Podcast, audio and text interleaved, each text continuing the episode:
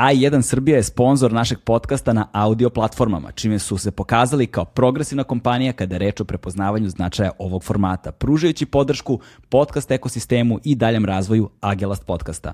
Važno je da se razume da su podcasti nastali kao audio format i da je ovu sferu razvila i učinila mogućom sve popularnija kultura slušanja. Bez audio formata nema podcasta.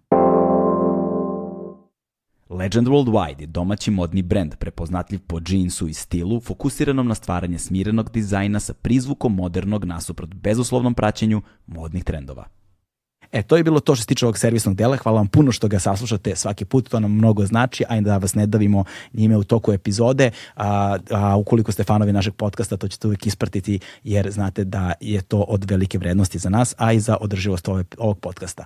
A, sada da predstavim svog sledećeg gosta. Dakle, moj a, današnji gost je neko koga, verujem, ne treba posebno predstavljati, neko ko je veoma dugo prisutan u a, medijskom ekosistemu kod nas, neko ko je godinama bio poznati televizijski vojitelj, a, prevashodno na televiziji, na televiziji Studio B koja je bila velika LT Beogradska televizija nekada davno, ovaj, a neko ko se iako povukao iz um, televizijskog posla, ostao veoma prisutan u domenu javnosti a, zato što se bavi filmom na, njen, na najbolji mogući način. Njegovo ime je Jugoslav Pantelić, on je direktor a, Jugoslovenske kinoteke, on je umetnički direktor Festa već godinama unazad i ovde smo da bismo razgovarali naravno o brojnim projektima koji su aktualne nekako sa, festi, kao, nekako sa filmskim festivalima i sa samim festom, ali tako i o kinematografiji uopšte na našim prostorima i fascinantnim stvarima koje se bavi Jugoslovenska kinoteka, ali naravno govorili smo i o mnogo širom spektru tema koji dolaze iz sveta kulture uopšte. Moj sledeći gost, Jugoslav Pantelić. Uživite.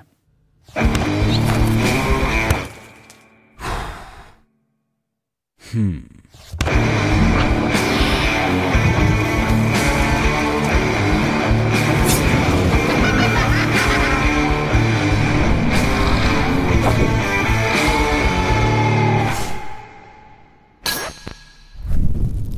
E, ajmo iz početka sada. Počeo se da mi pričaš o nekim intervjuima koje radiš za kinoteku. Da, radimo već nekoliko godina e, taj projekat, da ga tako nazovem, se zove Razgovori u kinoteci i planirano je da se nikada ne zaustavi, da se kontinuirano radi iz godine u godinu. Hvala Bogu e, onih koji treba da se nađu preko puta mene, odnosno čoveka koji razgovara sa najčešće autorima, ali ljudima koji su mm. obeležili našu kinematografiju iz bilo kog ugla gledano, je mm, nešto što mislim da će biti od izuzetne važnosti za one koji dolaze, a već je i za nas, jel? Kada razgovarate sa čovekom koji je zaokružio svoju karijeru, onda prosto mu ostavljate mogućnost da zaista kaže neke stvari koje do sada nismo čuli. Zbog čega? Zato što čovek koji iza sebe ima, kao što rekoh, za zaokruženu karijeru, e, nema nikakvog obzira da e, kaže nešto što može da proceni da bi moglo nekoga da uvredi, što bi moglo nekome da se ne dopadne i onda dobijate jednu iskrenu ispovest e, koja jeste svedočanstvo o onome kako je e, vrlo često nastajala a, i kako je funkcionisala, odnosno funkcioniše a, e, kinematografija ovih prostora. Ono što je dva faktora koje su tu takođe čini mi se veoma značajna. Jedan je, uh, u pitanju su uglavnom vremešni ljudi. Jesu. Da, vremešni ljudi, što znači da ovaj, uh, viš, znaš, mislim da sa, sa tom dobom, sa, do, s tom dobi, s tom, s tom zrelošću dolazi jedan faktor, ono, da te više nije briga šta će ko da pomisli, šta će ko da kaže. Mislim I... se će kaže nešto drugo. Ali... Da, da, da, da, da, što...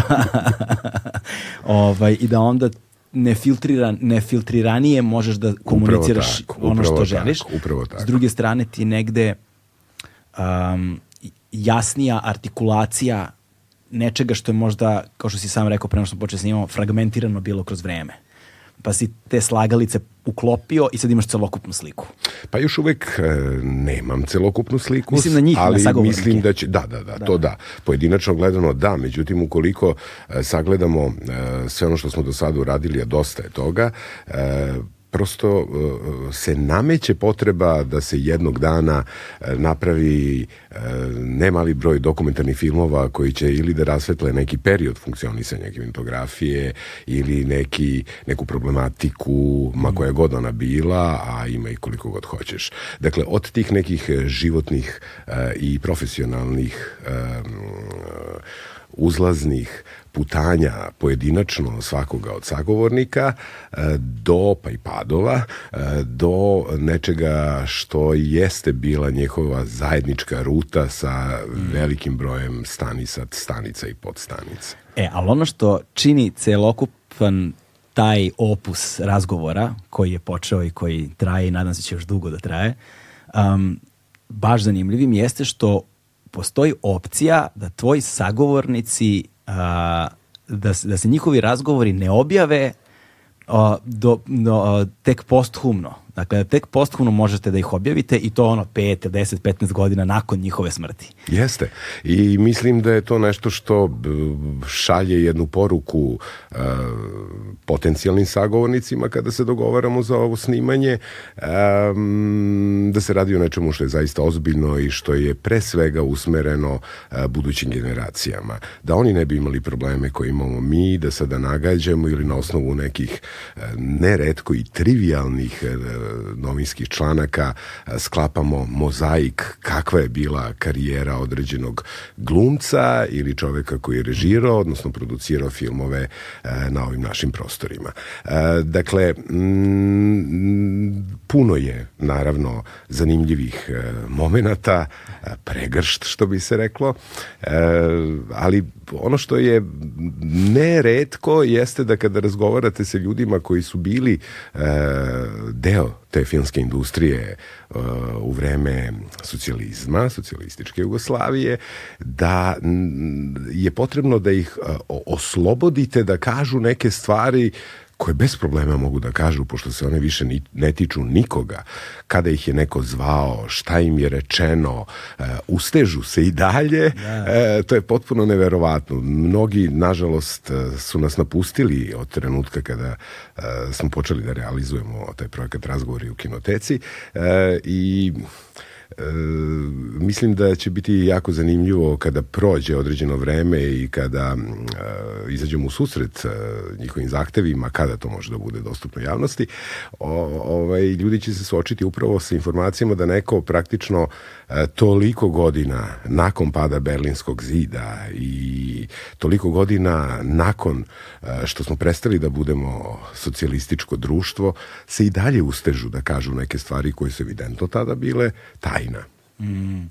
Je li bilo dakle uh, sagovornika koji su tražili ili koji su zahtevali jel te, da se njihov intervju objavi posthumno? Apsolutno da. Međutim, najče, najčešće se pa manje od 50%, ali neki dobri 40 uh, znači procenata. Međutim, mene iznenadilo da, da su to mahom tražili ljudi koji su i dalje dosta medijski aktivni, dakle ima ih, ali onda kada bi završili taj snimanje intervjua, uh, mislim intervjua. Dakle, moj zadatak, odnosno zadatak onoga ko razgovara a, sa od, odabranom ličnošću a, je više posao skretničara a, i afirmatora određene teme, ne bi li inspirisao osobu preko puta sebe da progovori o nekim zanimljivim stvarima.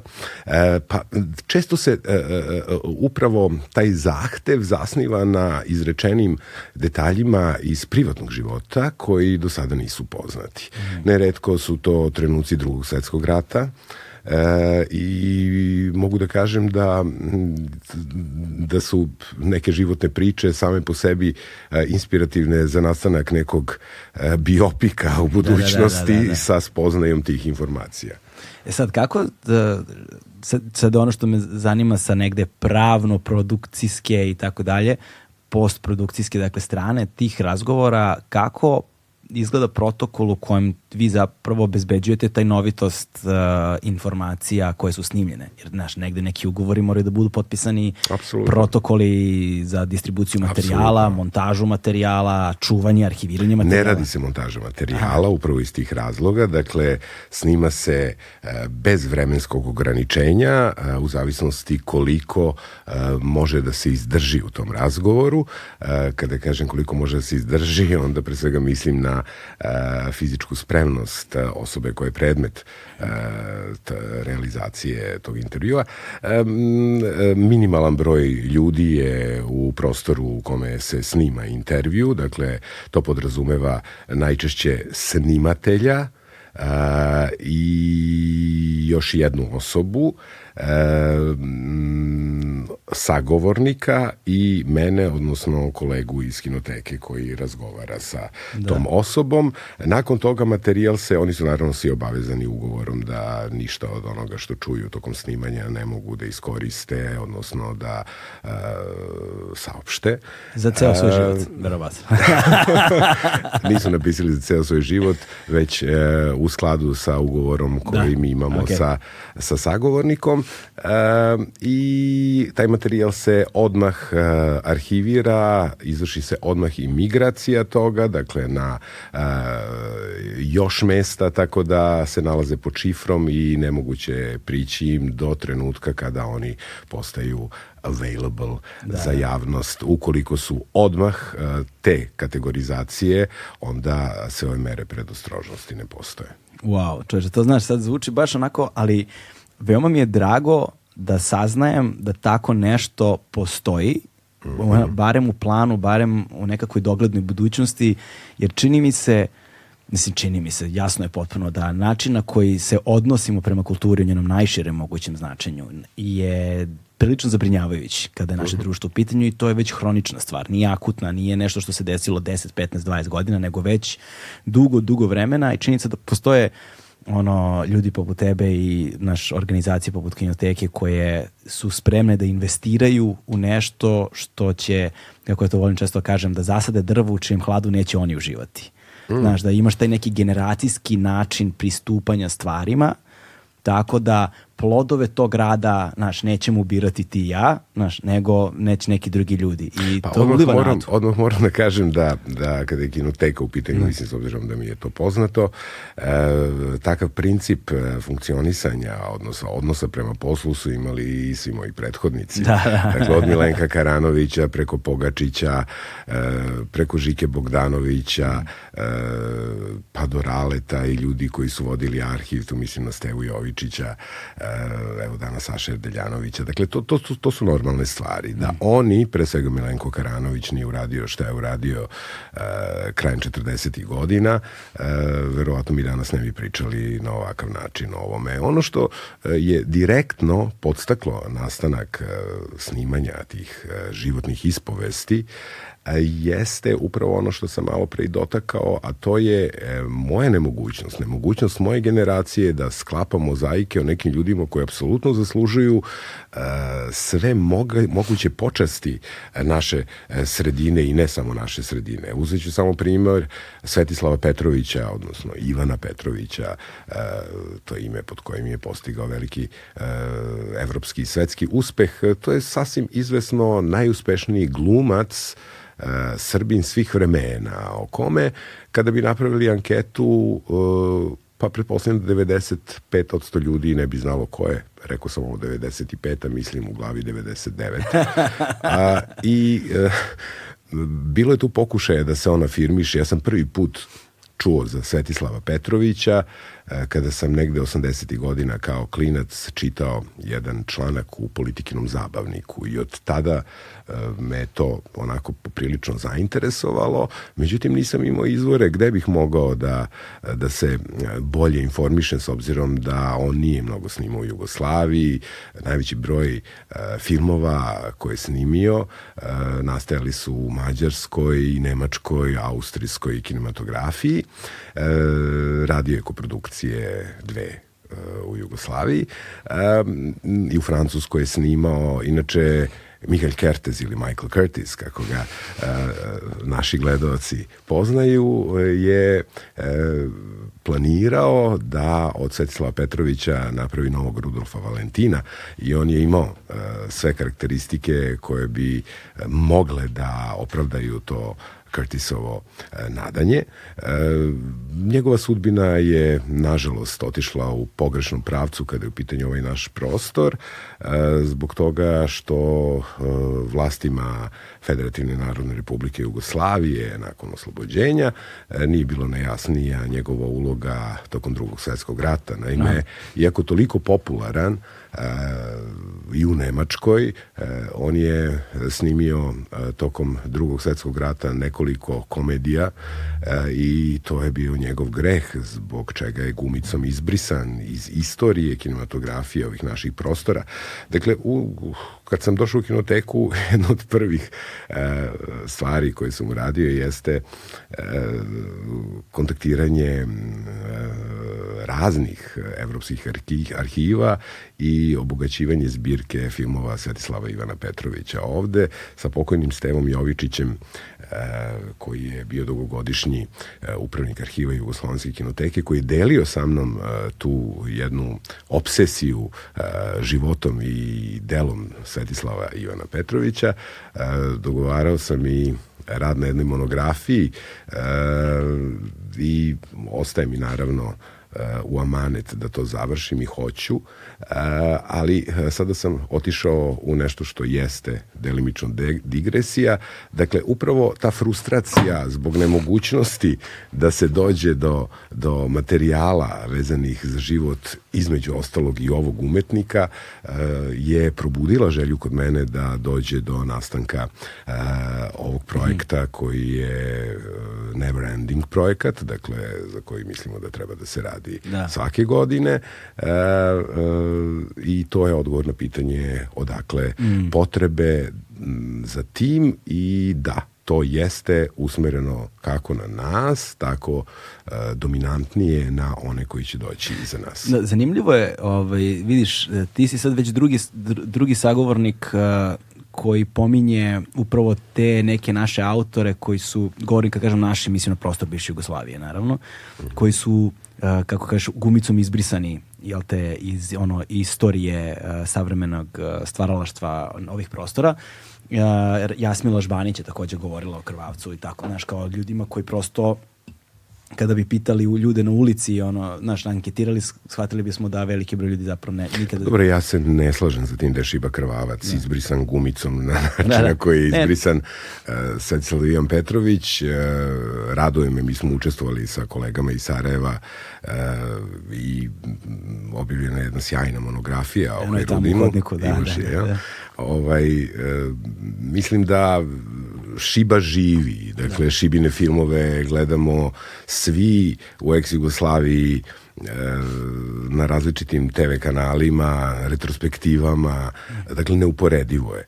Herudin Šiba Hrvavac je radio filmove koji su e, mahom e, bili tekako dobro ocenjeni od strane vlasti u vreme kada je stvarao, a umetnik koga sam pomenuo više puta ne. je bio persona non grata, jel? Mm. I doživio je sudbinu koju takav umetnik nije smeo da doživi, ali ta vremena nisu bila baš preterano naklonjena ljudima koji su samo koristeći svoj talenat radili ono najbolje što znaju. Da, e i sada uh, u skladu sa time otvara se onda pitanje koliko je takvih stvaralaca. Ne pa, možda samo u kinematografiji. Izvesno uopšte. mnogo, pa izvesno mnogo. Šta je to što zapravo propuštamo što je veliki deo našeg nasleđa? Znaš?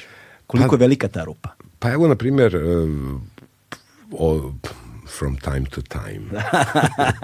um, kako se kaže, from time to time se s vremena na vreme, na vreme, da, kao ima ovog benda. Uh, određeni entuzijasti uh, čeprkaju po prošlosti i pronalaze ne samo u Srbiji, ja bih gledao to dosta globalnije, mm po buvljim pijacama, kontejnerima, e, davno zaključanim i nikada otključanim podrumima, e, neke važne stvari koje ih zainteresuju da dođu do imena koji su nam nažalost nepoznata, a nikako ne bi smelo da imaju da. tu kategorizaciju. A1 je prvi prijatelj audio izdanja Agelast podcasta.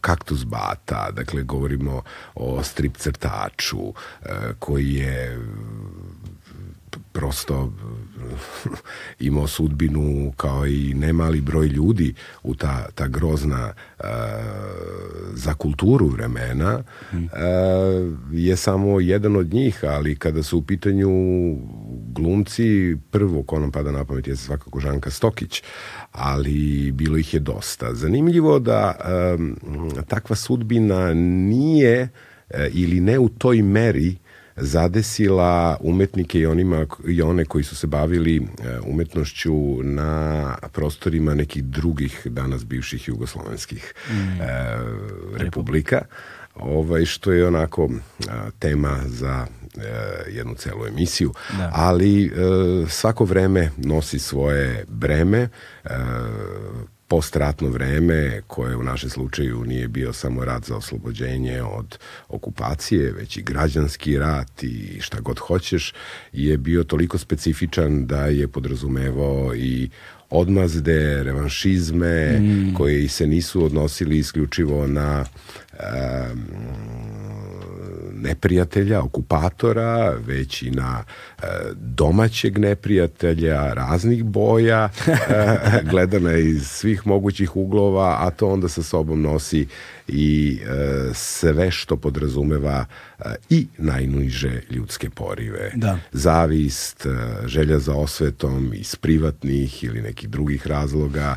Dakle, kompleksna situacija mm. i naravno da je sve ono što može da se ispravi i sve ono što može da uh, stavi na pijedestal ljude koji su svojim umetničkim stvaralaštvom to zaslužili, a bili su ovoliko dekada zaboravljeni je uvek dobro došlo. Da, još jedna osoba sa kojom, kojom je otvorila recimo ovaj, osvetlila ceo jedan period umetničkog stvaralaštva na prostoru jel te, bivših republika mhm. -huh. ovaj, je Zlatko Burić Znaš, uh mhm. -huh. Zlatko Burica kuglom glumištem i sa celim tim performansom i spektaklom i stvarima koje su snimale u to vreme, koje opet ne znam koliko su blagonaklono posmatrali kada govorimo, to su neke rane 70. jel te, početak 70. do tamo početka 80. nije dugo taj njihov A, to je bio buran plamen koji je brzo gasno. Zlatko je sjajan tip. sjajan tip. da, ovaj, onako, a, a, vrlo, vrlo, vrlo zanimljiva osoba. A, Izuzetan glumac. Da, pre svega. Da. I, ovaj, I muzičar, vrlo zanimljiv. Da. A, ovaj, I onda sam recimo saznavao za tako neke obskurne fenomene o kojima nisam znao ništa.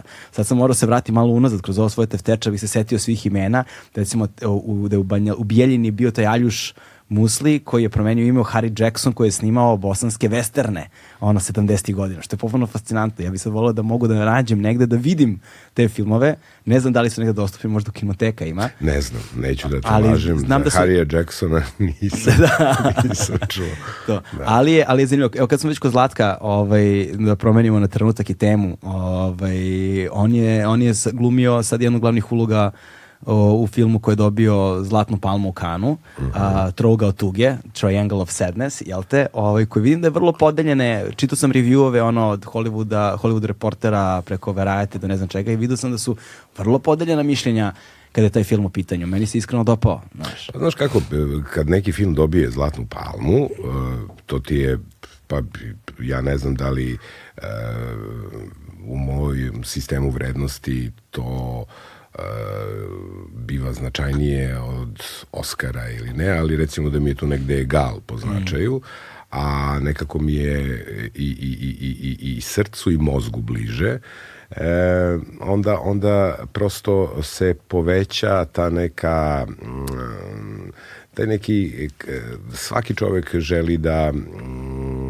posmatra taj film uh, oštrim kriterijumima nego što bi to radio taj film nije triumfovao u Kanu. Jel? Da, da, da. Dakle, Ruben je Ruben Oslund je čovek koji je apsolutno dosledan svom umetničkom izrazu, dakle njegove e, teme, njegove obsesije su ono što pretače u svoje filmove, ima e, iskren e, prilaz svakoj od tih tema, a to što kaže možda najbolje potvrđuje njegov problem kako da finansira e, svoje produkcije, dakle bez obzira na e, toliki uspeh koji je na primjer imao Square i to što je on čovek koji je već nagrađivan u Kanu, njemu to ne obezbeđuje po defaultu sredstva za nastanak filma. Tako da je dosta se namučio da finansira film koji zasigurno jeste jedan od filmova godine.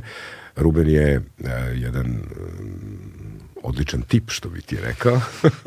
I nekako to može da se oseti i kada gledamo ono što stvara. Dakle, eh, on je eh, čovek koji je sa ovim filmom turista, Uh, ne znam kako kod nas bio preveden, pošto, pa mislim da je preveden bio doslovno, što je negde i logično.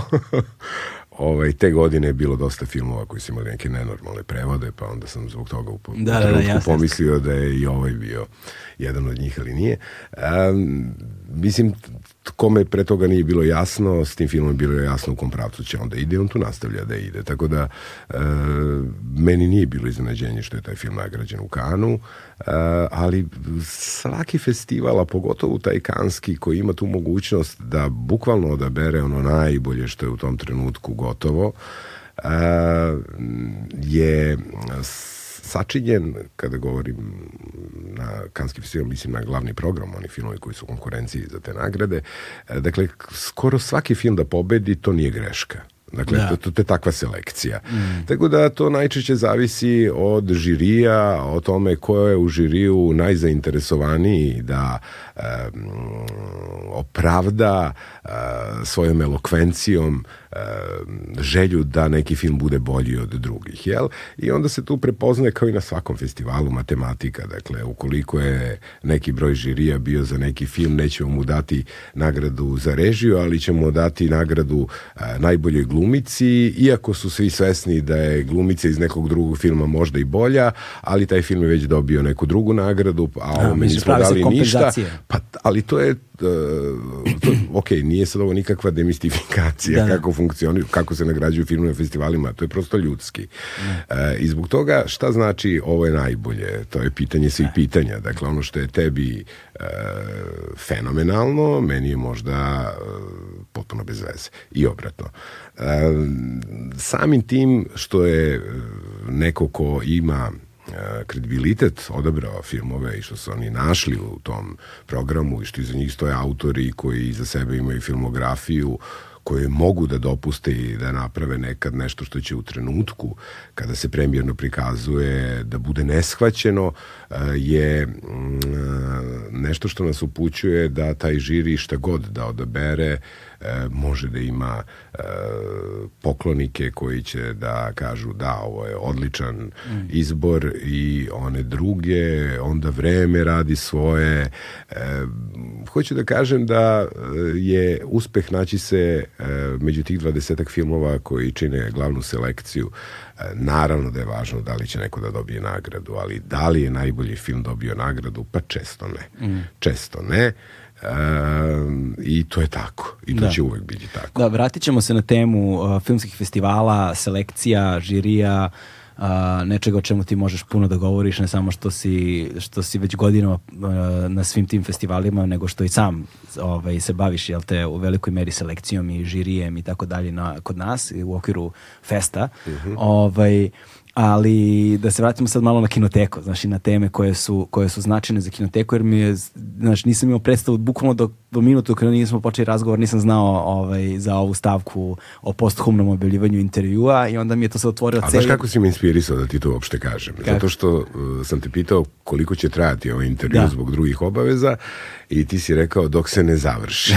A u stvari to je odgovor koji ja dajem kada me pitaju sagovornici u okviru da. razgovora o kinoteci, a koliko će to da traje, ja kažem ne znam. Da. Neki traju preko 5 sati, zaista. Da, to je sjajno. Da. Posebno je važno sa, sa tako vremešnim sagovornicima da se napravi ovaj, o, da, da se organizuju okolnosti i, i njihovo vreme i da se sa njima razgovor vodi na takav način da se oni ne zamore previše i da oni nekako budu inspira, inspirisani Neverovatno je koliko energiju dobiju. Dakle, da. razgovaram često sa ljudima koji su i bolesni, koji se ne osjećaju dobro, koji jedva dođu uz asistenciju e, nekog od nas e, i onda kada krenemo šetnju kroz karijeru koja nije hronološka, e, oni isprave kičmu, da. dobiju neku energiju i odjedan put uh, ti pred sobom imaš drugu osobu.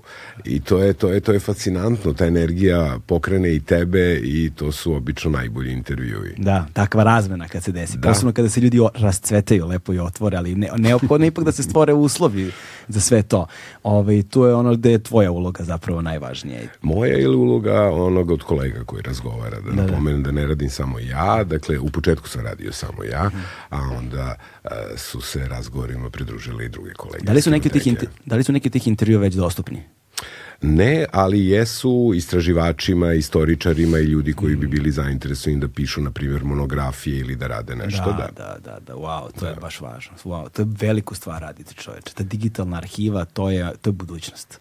Da. Ne samo sadašnjost. Sadašnjost u velikoj meri, ali nažalost nismo se dovoljno bavili time u različitim oblastima kulture, ali za svakako za budućnost neophodna stvar da bismo kao društvo negde preživjeli i uh, ono, uz malo sreće ovaj, napredovali. da. Što nam je zaista neophodno. Ovom uvek trenutku. je potrebno napredovati, mm, da. ali da. uvek. A napredovanje negde podrazumeva i edukaciju. Dakle, ja mislim da čovek pa hajde, ako kažem dok je živ, možda je to previše, ali dok radi da konstantno a, treba da se unapređuje, da konstantno treba da radi na sebi, jer bez toga prosto nećete pregaziti vreme, ali, mm. ali e, zbog čega ne bi znao više. Dakle, da. nikada ne možeš da znaš sve, ali možeš da znaš danas više nego juče. E pa to iskoristi. Da, da, to je, uf, to je, nekada poražavajuće koliko su nekada tako... Sad si rekao, je... to je uf, kao onaj, a, onaj sve pa zato što uh, pokušavam nekako ja kratko da artikulišem misl, to mi redko polazi za rukom, znaš. A ovaj a ne želim da oduzimam od ovog razgovora. A i ne treba, zašto zašto bi se Ovaj ali katovao. i često i često te neke najjednostavnije istine, da ne kažem banalne, ovaj, i floskule su zapravo toliko tačne. A, a samo vreme, vreme koje protekne i onda kada malo, znaš, kada malo sazriš i porasteš i ostariš i šta god, počinješ da kapiraš koliko su te neke banalne istine koje su ti ono od roditelja pa svi oko tebe govorili kad si bio klinac e, znaš, i ti si to uzimao zdravo za gotovo i bio poznao ovi, ovi smarači, sada su bolno ono tačne, znaš, sada su, sada su ono, nekako se materializuju Jeste. toliko a, a ne možeš da vratiš to vreme unazad. Znači, ne možeš da vratiš to vreme unazad i da kao sad, ajmo sad iz početka. Nema, na život nema reprizu, jebi ga. Znači, onda nekako je, nekako je, nekako je to čudno kako te stigne u jednoj fazi života.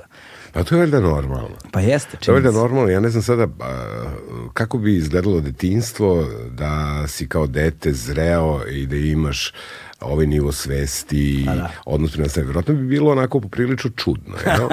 Možda i dosadno.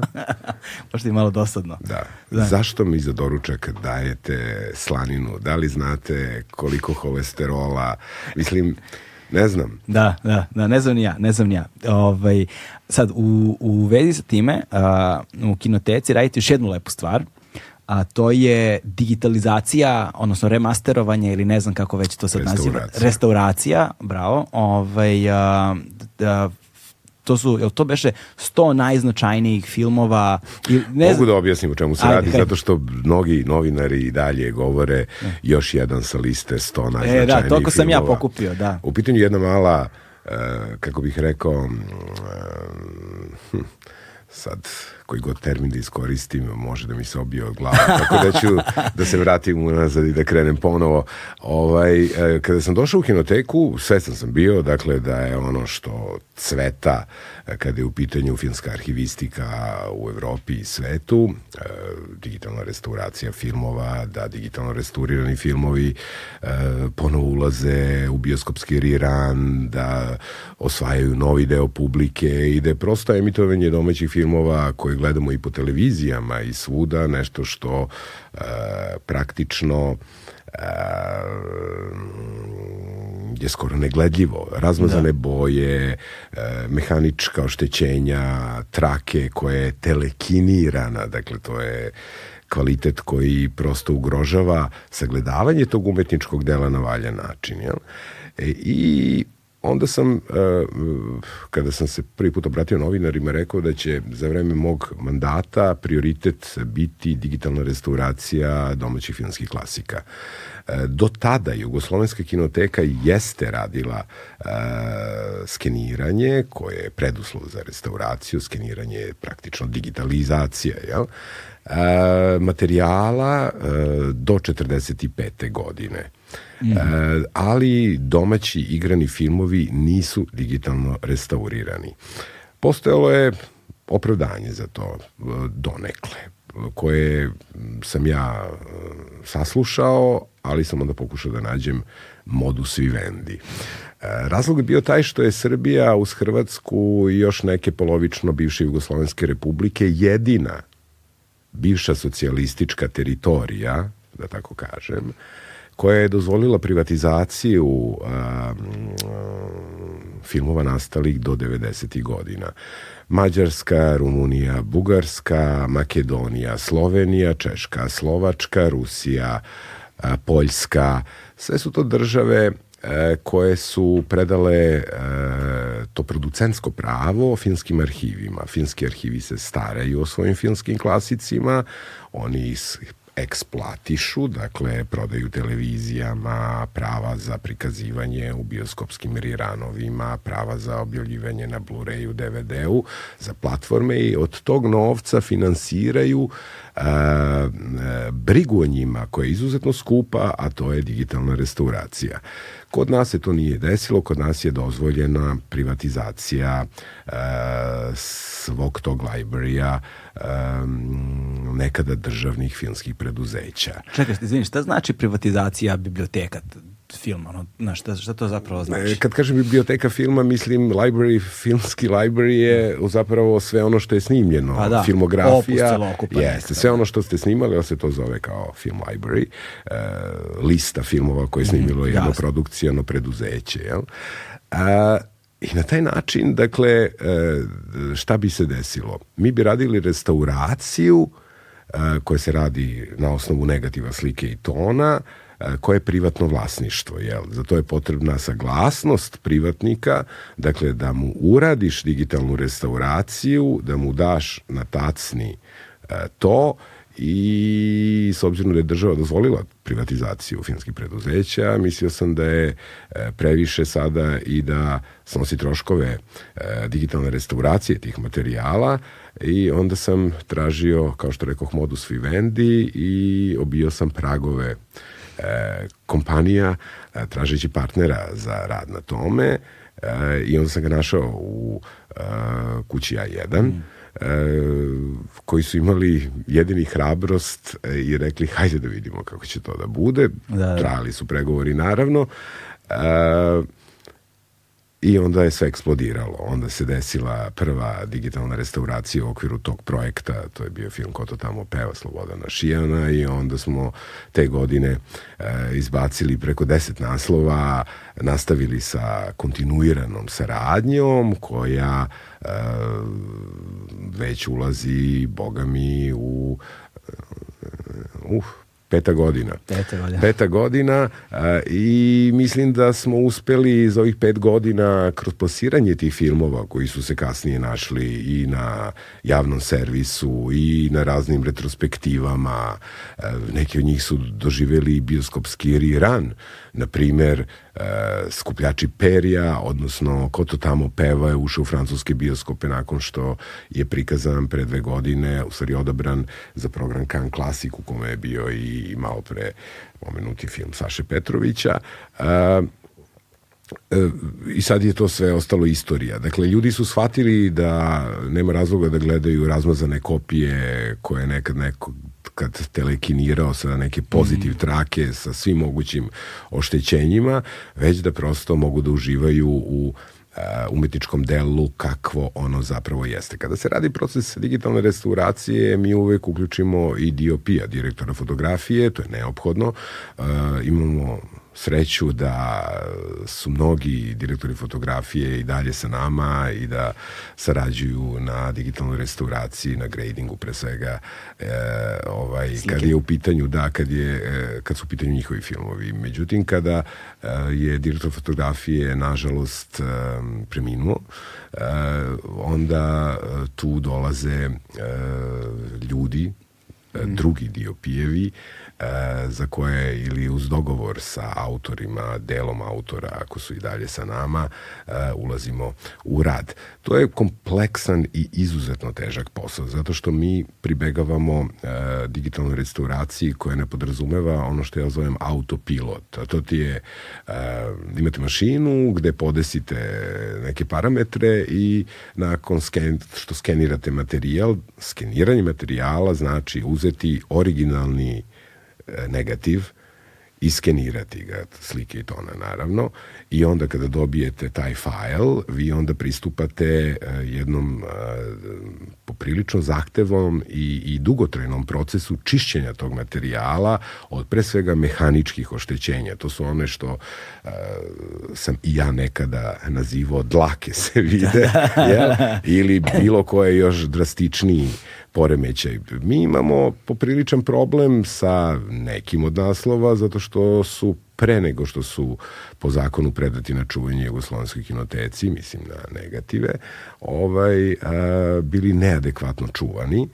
A, postoje naravno i filmovi čiji negativi nisu predati e, Jugoslovenskoj kinoteci. E, neki od njih e, imaju čudne puteve gospodnje, bilo da su završeni pred sam početak rata, pa da su zaostali u nekoj laboratoriji. E, mogućnost da dođete do tih materijala i ako ih locirate kao državni filmski arhiv, u našem slučaju Filmski arhiv Republike Srbije, nemate, zato što to mora da uradi producent koji je deponovao mm. uh, originalne materijale, neretko producenti ne žele da plate uh, ležarinu, odnosno više te kuće ne postoje i to je problem koji nije isključivo uh, samo naš takih problema ima u svim mogućim kinematografijama i onda na primjer se desi da imate problem uh, te vrste da je pred vama u vašem arhivu isključivo samo pozitiv kopija Evo, na primjer, u slučaju filma Virgina Đeđe mm, Karanovića, da. mi imamo jednu a, kopiju tog filma, dakle, dakle u pitanju je pozitiv, a, e, koji je bio u distribuciji i koji uopšte nije u dobrom stanju. Sva sreća, pa evo, na primjer, ovih dana, zahvaljujući dobrim ljudima, je lociran originalni materijal i sada se preuzimaju koraci da uh, uskoro možemo u listu uh, digitalno restauriranih domaćih klasika da upišemo i ovaj značajan film uh, sjajnog Điđe Karanovića.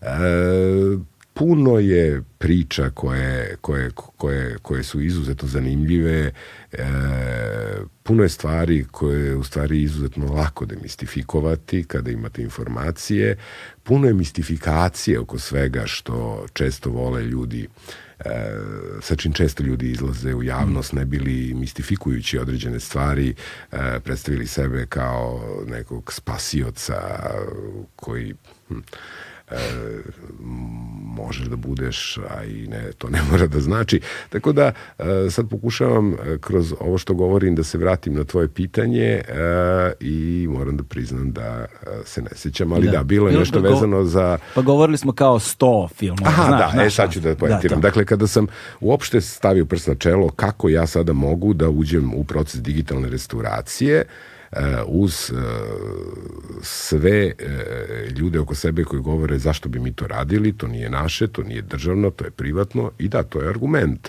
Ali s druge strane, to je naša kulturna baština. Sam. I onda sam, i onda sam, i onda sam čitao zakon i našo nešto to bi moglo da ima obris pravne praznine, a to je ako se, evo prvi put pričam, ako se vlasnik kulturnog, dakle onaj koji poseduje pokretno kulturno dobro od velikog značaja ili uopšte kulturno dobro ne odnosi domaćinski prema njemu, onda nadležna institucija može da reaguje. E sada, da li u 21. veku digitalna restauracija pokretno kulturnog dobra koje se zove film, jel? Mm nedomaćinsko, odnosno domaćinsko ponašanje, ja sam odlučio u svojoj glavi da bi to moglo da prođe kroz to i onda sam uradio nešto što jeste nadležnost kinoteke, a to je da proglasi pokretno kulturno dobro za kulturno dobro od velikog značaja. Takođe kinoteka ima i obavezu i mogućnost da određeno pokretno kulturno dobro predloži Ministarstvu kulture koje će u svoju saglasnost da prosledi parlamentu koje može da izglasa, odnosno ne, da neki film, odnosno neki filmovi budu kulturno dobro od izuzetnog značaja. Ja? I onda sam odlučio da iskoristim pravo, zapravo prvi put pravo i da proglasim prvih sto domaćih filmova, igranih filmova, e, za kulturno dobro od velikog značaja. Dakle, e, do tada je e, kinoteka to uradila u dva navrata, posljednji put 80. godina, kada je proglasila materijale e, od rednog broja tog do rednog broja tog, to su materijali koji se tiču naše istorije za kulturno dobro od izuzetnog značaja, zapravo dala predlog koji je Skupština ovaj, e, proglasila za kulturno dobro od izuzetnog značaja i onda čitav niz dekada to nije mm. rađeno. E, zapravo ni jedan film snimljen posle rata nije imao tu etiketu kulturnog dobra od velikog značaja. E, moja ideja je bila da uradim to između ostalog i zbog toga da bih ukoliko producenti ne daju saglasnost da mi možemo da digitalno restauriramo filmove, mogu da se pozovem mm. na to, na tu pravnu prazninu, jel, i da ipak dođem do svog cilja. E, pozvali smo veliki broj filmskih kritičara, teoretičara, profesora sa fakulteta dranskih umetnosti. Dakle, to je ljudi, procedura ozbiljna? Ozbiljna procedura, dakle, napravljen je pravilnik, glasanje i došli smo, poslali smo i spiskove svih filmova koji ulaze u kategorizaciju srpskog filma. Jel? Dakle, to je isto nešto što ljudi, ne samo kod nas ovde, nego i na celom prostoru bivše Jugoslavije slabo poznaju. Šta je ono što ti možeš titularno da proglasiš srpskim, odnosno hrvatskim ili slovenačkim filmom. Dakle, Posebno filmove iz tog perioda. Pa da, ali tu nema nikakvih problema Jasne. kod nas. Znači, mi nemamo apsolutno nikakav problem, jer smo mi od 52. godine izvršili tu jednu decentralizaciju kinematografije i ti imaš republička preduzeća za proizvodnju filmova, znaš se da li je koprodukcija, da li to mhm, snima Jasne. jedno preduzeće, ako je multilateralna koprodukcija, zna se ko je tu taj koji im je nosilac producentskog prava za ovo, za ono. Znači, tu nema problema, znači nikakvih problema nema, ima u glavama onih ljudi koji ne poznaju zakon, inače ne tu vrlo, vrlo su jasni svojinski odnosi.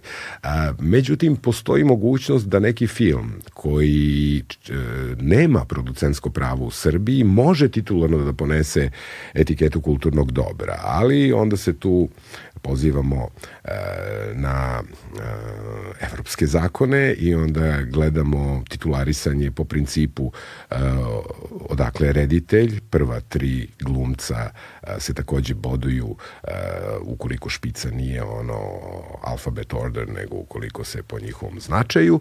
E, shooting location, post-production location, svi autori, dakle kompozitor, mm, scenarista, takođe svi. Ja. Ovaj, I onda na osnovu toga vidite da li taj film možete da podvedete pod uh, etiketu srpski film bez da neko srpsko filmsko preduzeće e, ima producentska prava nad tim filmom. E, I to nije bilo lako uraditi, e, međutim to smo uradili bez greške, e, kasnije smo... Koliko ljudi je radilo na tome? Pa veliki broj ljudi u kinoteci. Dakle, e, ok, vi kada imate e, određenu bazu podataka na kojoj mi sada radimo, koja će biti ono što bi ti nazvao supersoničnom, dakle, gde ćeš moći da e, koje, eto, slobodan sam da kažem, ajde da ne preterujem, ali recimo da da će biti mm, mm, omogućiti tako ekspeditivnost pronalaženja uh, pa recimo kao IMDb. Aha. Dakle, ti ćeš moći da u svakom momentu znaš gde je crna mačka mm. u kom filmu ili beli miš. Jasne, jasne, jasne, jasne. Od tako tih nekih stvari do, do, do, do pretraga koje omogućavaju ono, nagrađivani. Kad smo kod tih nagrada, to je jako zanimljivo. Mislim, ne znam da sam ti odgovorio na pitanje. Dakle, da, e, napravio sam nešto što bi inače uradio, ali sam požurio odmah kad sam došao u kinoteku da proglasimo tih 100 najboljih filmova, da bih na osnovu toga to sam juče uradio krajem godine, ja. mogućnost da neko to uh, se žali na tu odluku, to su bili producenti, e, im je bio smanjen što je to, dakle, vrlo sam, vrlo sam bio za to. Meni je čak, uh, su mi dolazili ljudi, uh, mislim, mogu i da ih imenujem, ali ajde, zbog njih neću, uh, zašto to radiš? Praviš sebi problem, imaćeš velikih problema. Da.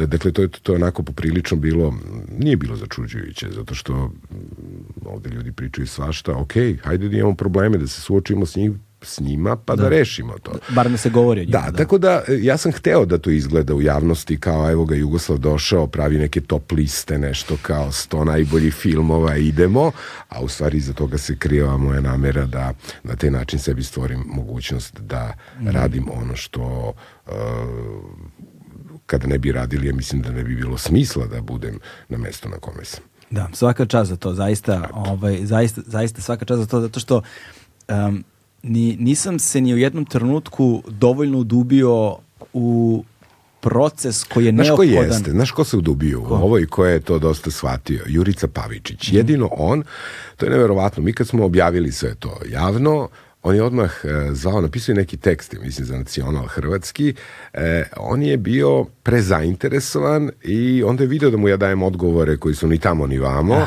i onda, onda je rekao, jer ti to u stvari sebi stvaraš mogućnost da možeš da radiš, ja kažem da, ali se nadam da nećeš to da napišeš, dok I, i, međutim odavde niko. Ovde su svi mislili da je to, upravo kao što sam malo pre rekao, da, evo ga, napravili. Jugoslav, top liste, idemo, videodrom. Zanimljivo je koliko smo sposobni da banalizujemo stvari. Ono ne, nego se niko ne udubljuje. pa niko to, se ne udubljuje to u to i kao, ali ponekad čovek mora mm. da, da, da, da pribegne e, tim nekim, kako bih rekao, e, meandralnim načinima da. da dođe do svog cilja koji je sveta. Da kažemo kako koja bi bila dobra floskula, kreativnim rešenjima. Pa recimo, da, da, da. da, da. E sad, a, ono što je meni zanimljivo u, u ovome, a negde mi je malo i, i nejasno, maglovito, jeste, dakle, kada govorimo o toj privatizaciji, šta ta privatizacija zapravo podrazumeva? Su to zapravo cela kao preduzeća koja su bila mm -hmm. privatizovana i onda u Cela privat... sa onim što si me malo prepitao, šta je sa libraryjem, sa film da, libraryjem, da, da. to znači sa celokupnom produkcijom koja podrazumeva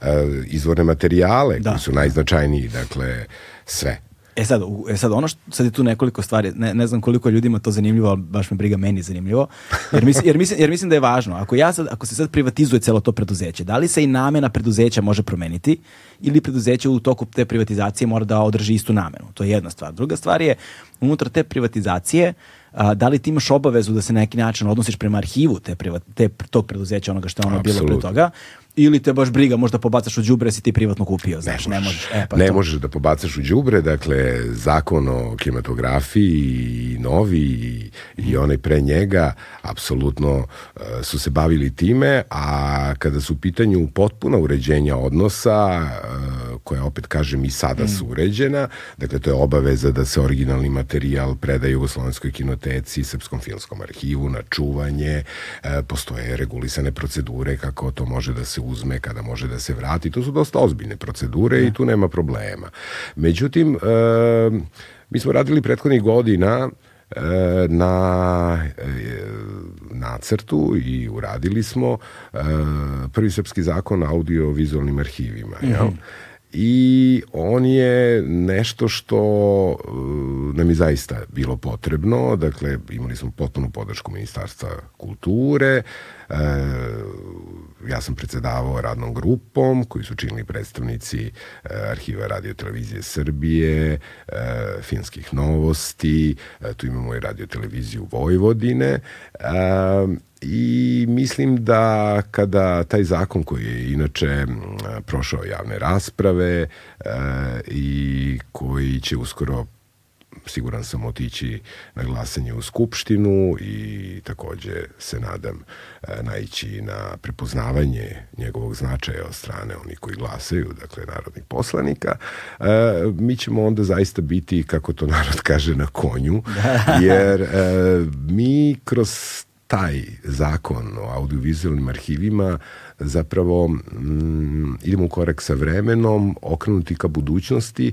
na taj način što pretpostavljamo šta je sve moguće da se desi u, neko, u kom će pravcu ići mm. stvari. Mm. E, tako da smo e, upravo kroz taj zakon regulisali e, i još više e, poveri računa o, o, o, o očuvanju e, e, naše, na, na, našeg kulturnog nasleđa e, kroz procedure koje se dotiču između ostalog i toga što si ti sada pitao. Mm. Međutim, opet naglašavam i sada je to regulisano, dakle producent neophodno to mora da čuva u Jugoslovenskoj kinoteci, a, a što se tiče promene, to je privatno vlasništvo sada, znate. Da, da. To je privatno vlasništvo, međutim postoje e, mogućnosti ukoliko se e, sobstvenik tih kulturnih dobara ne odnosi prema njima uh, kako treba i kako je, pa domaćinski, što da ne, ovaj, postoji sankcionisanje koje zakon predviđa, tako da ne postoji mogućnost da to neko, da li, kako da, ti kažeš, da. baci u džubre. Pa dobro, ne nužno, da se, sad, ja to samo kolokvilno kažem Ali da bi ljudi lakše Ali filmovi su nađeni na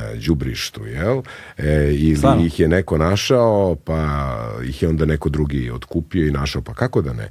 Dakle, neverovatna količina filma, pa Grad bez jevre je nedavno nađen uh, na buvljoj pijaci u Parizu uh, i kupljen je za neke smešne pare.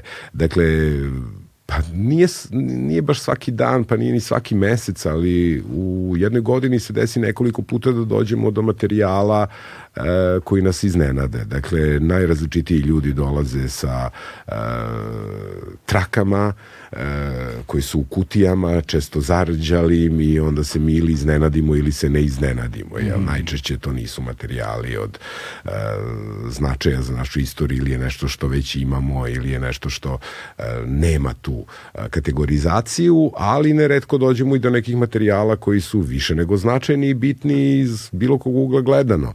Ovo tako se dešava svuda u svetu. Dakle, ovaj sad nivo komunikacije koji mi imamo, naše članstvo, ajde u FIAF-u smo E, e, zna se od kad, mi smo 17. članica FIAF-a, e, dakle, punopravni član. Šta je FIAF?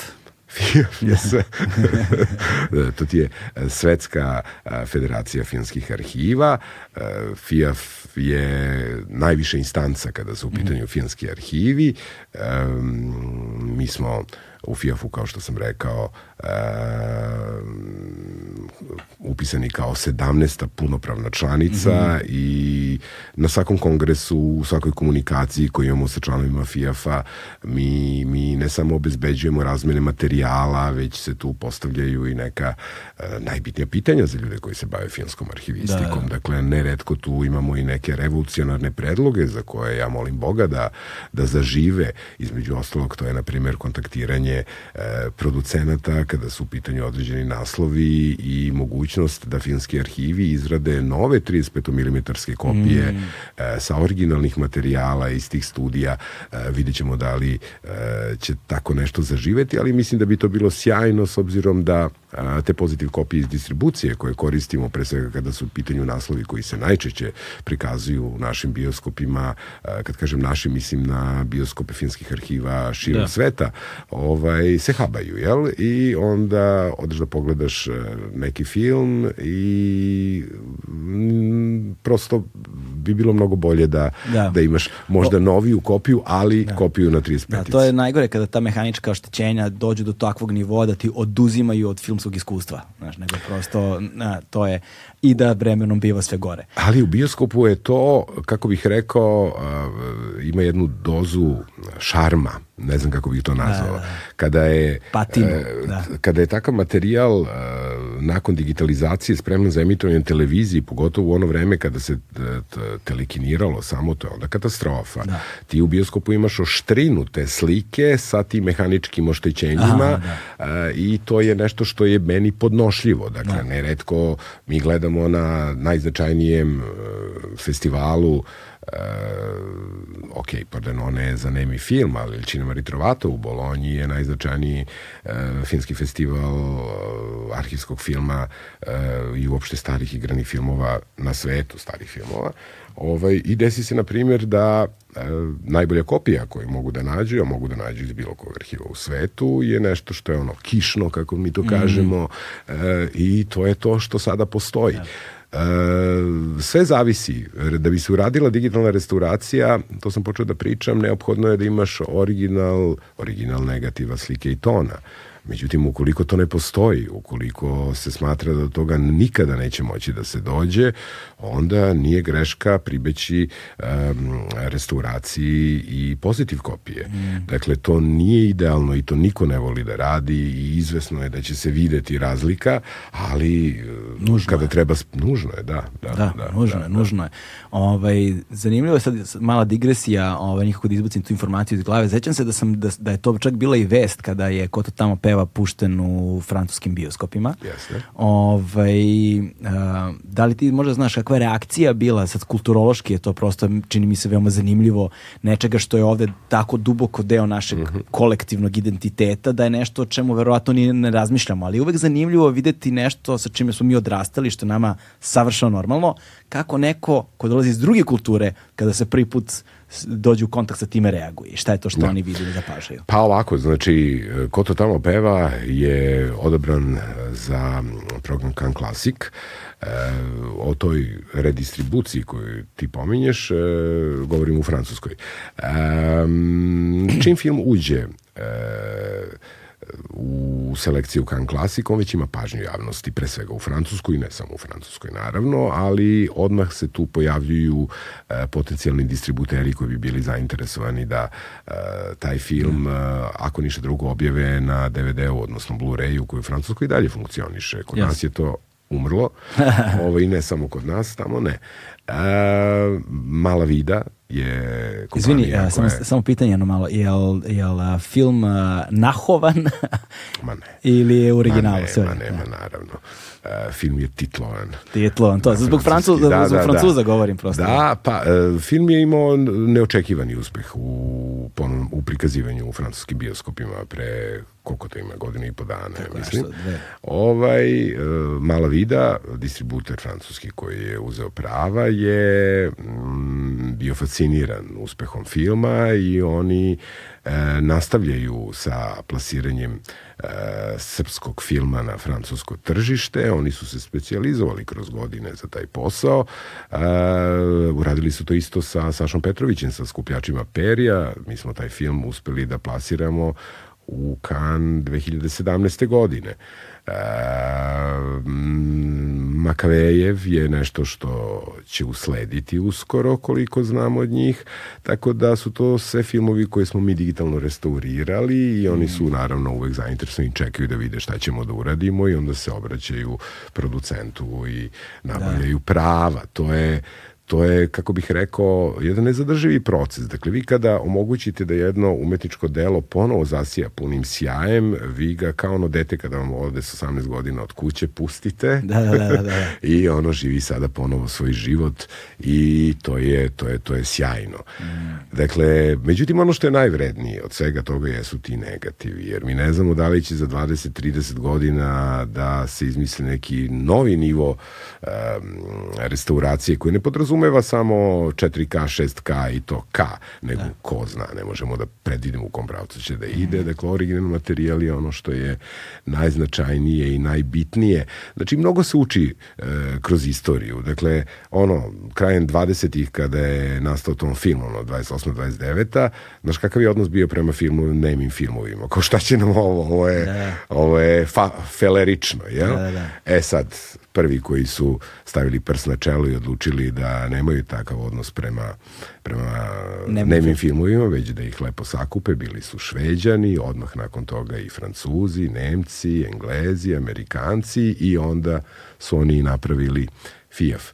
Ovaj, e, hoću da kažem da e, u to vreme, zašto sam pomenuo to, u to vreme ljudi nisu imali svest o tome koliko je značajno sačuvati sve to, jel? E, mi zbog toga e, ne smemo da pravimo ovo jedna drastičan primer, ali e, stalno se uči, svake generacije se nauči nešto novo i zbog toga e, treba čuvati sve. Mm. Dakle, e, često to ljudi ne shvataju, ali sve je bitno. Ono što je danas normalno, Uh, za 100 godina će biti raritetno. Uh, dakle, ne postoji ta stvar vezana za filmsku umetnost da nas se ne tiče, sve nas se tiče. Kada preuzimamo legate, na primer, uh, a to je čest slučaj, Dakle, napusti nas neki finski stvaralac ili neretko iza života se opredeli da nam preda uh, svoje nagrade, originalna scenarija, fotografije sa snimanja,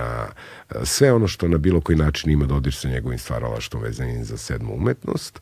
Ovaj, uh, I često nas pitaju aha, interesuje vas i ovo, treba vam i ovo. Mi kao nama treba sve, ali apsolutno sve. Uh, jer e, naravno da ta osoba dobije svoje mesto u legatima u okviru naše stalne postavke, ali sve to će biti deo neke izložbe koja može da mm. podrazumeva stvaralaštvo isključivo tog autora, odnosno glumca, glumice, a može da bude i deo jedne epohe ili pravca ili teme koja na bilo koji način korespondira da. sa stvaralačnom A može i da nam na neki novi način osvetljava stvari sa kojima smo do tada u životu imali kontakta, a da nismo ni svesni da će ih osvetliti a tek će to postati važno u onom trenutku kada se to desi. Ne, ne možemo da predvidimo, budućnost je zbog toga zanimljiva. A neverovatno je koliko, na primjer, neki filmovi koje, e, čiji smo mi savremenici ja. jel, na njihovog nastanka i koje smo doživljavali, doživljavali kao trivialne,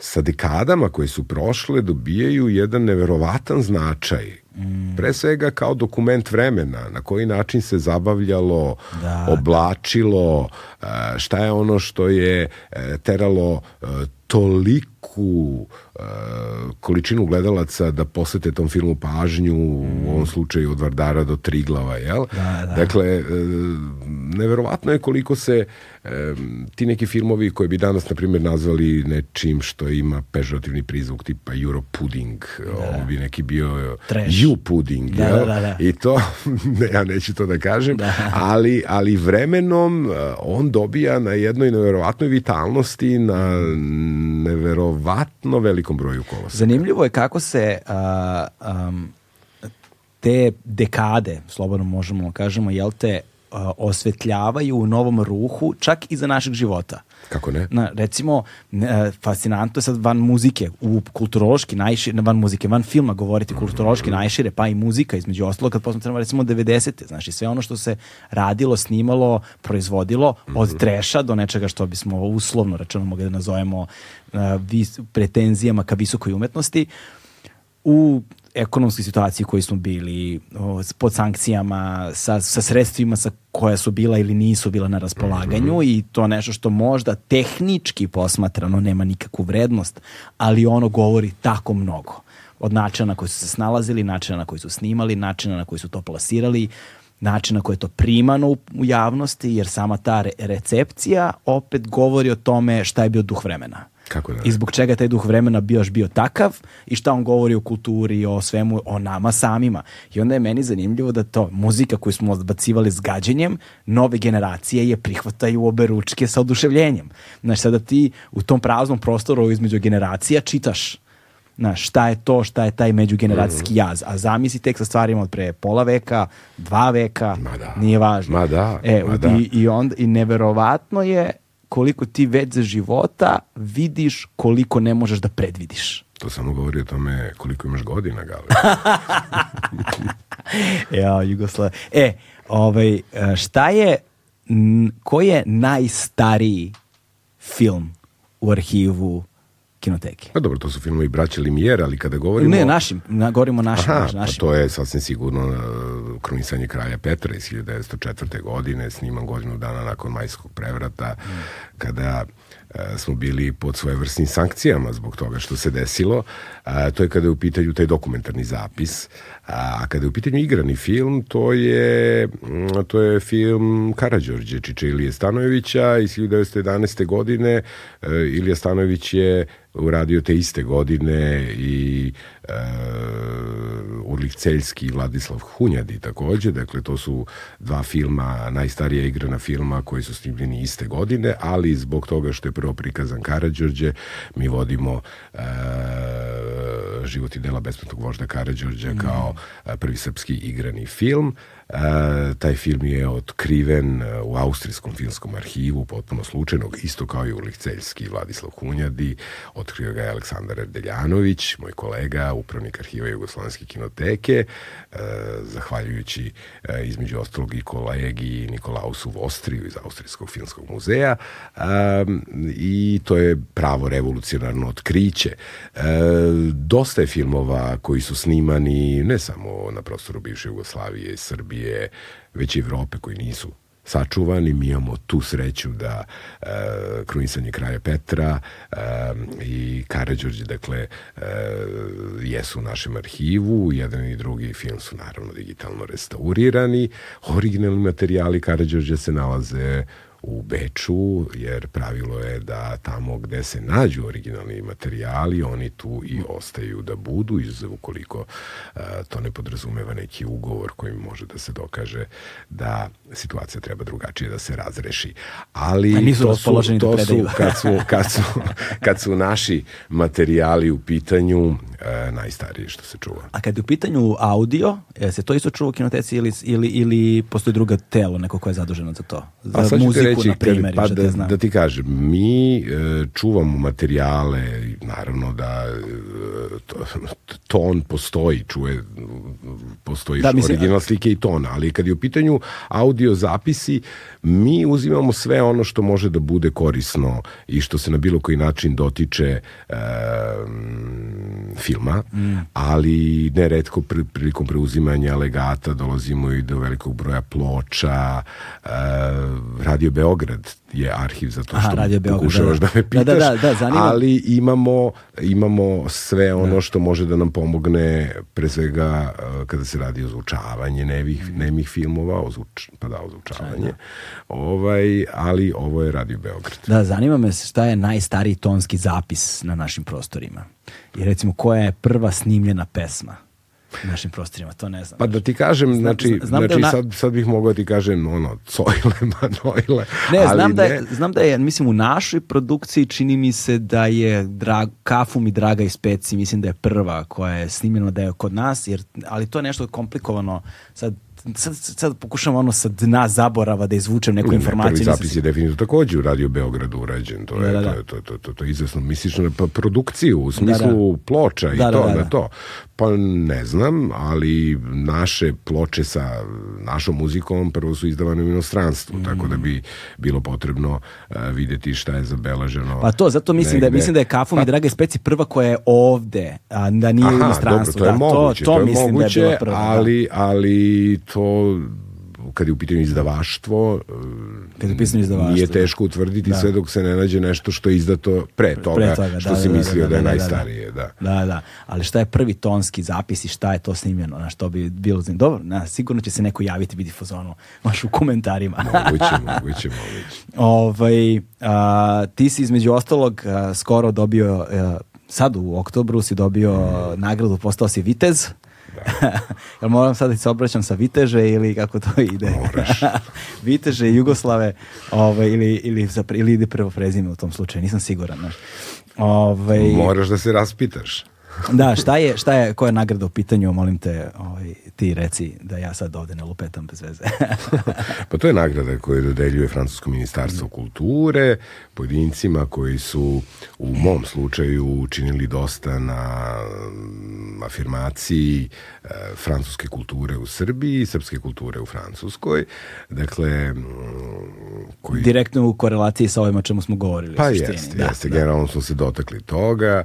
E, to je orden u rangu viteza, da. u orden umetnosti i književnosti i, kako bih rekao, naravno da mi prija tako nešto. Da, da. Ne, di, a, divno je zato što ovaj, čini mi se a, da imaš jednu putanju, barem onoliko koliko te ja poznajem, a sad je već dosta godina prošlo, ovaj, jednu konstantnu putanju, znam, imaš koja, koja je uzlazna na, na neki način i nekako lepo je videti da u vremenima u kojima mi živimo, u okolnostima u kojima se mi nalazimo, ovaj, i dalje postoje pojedinci koji uspevaju uprkos svemu da pronađu put koji nije jednostavno pronaći ni u idealnim uslovima.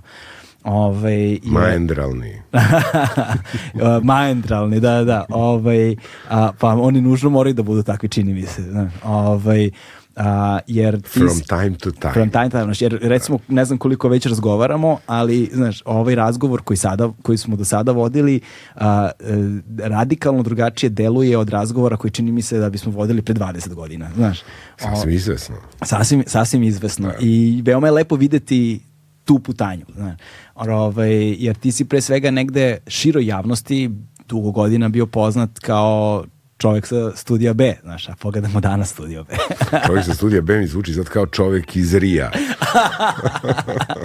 da, ali, da. znaš, zanimljivo je, eto, znaš, recimo, koja putanja studija B od, od, od nekad do sad, da. ovaj, a koja je s druge strane tvoja putanja, znaš, mislim da su, o, kako bi to na dijagramu izgledalo, sa, su, suprotne.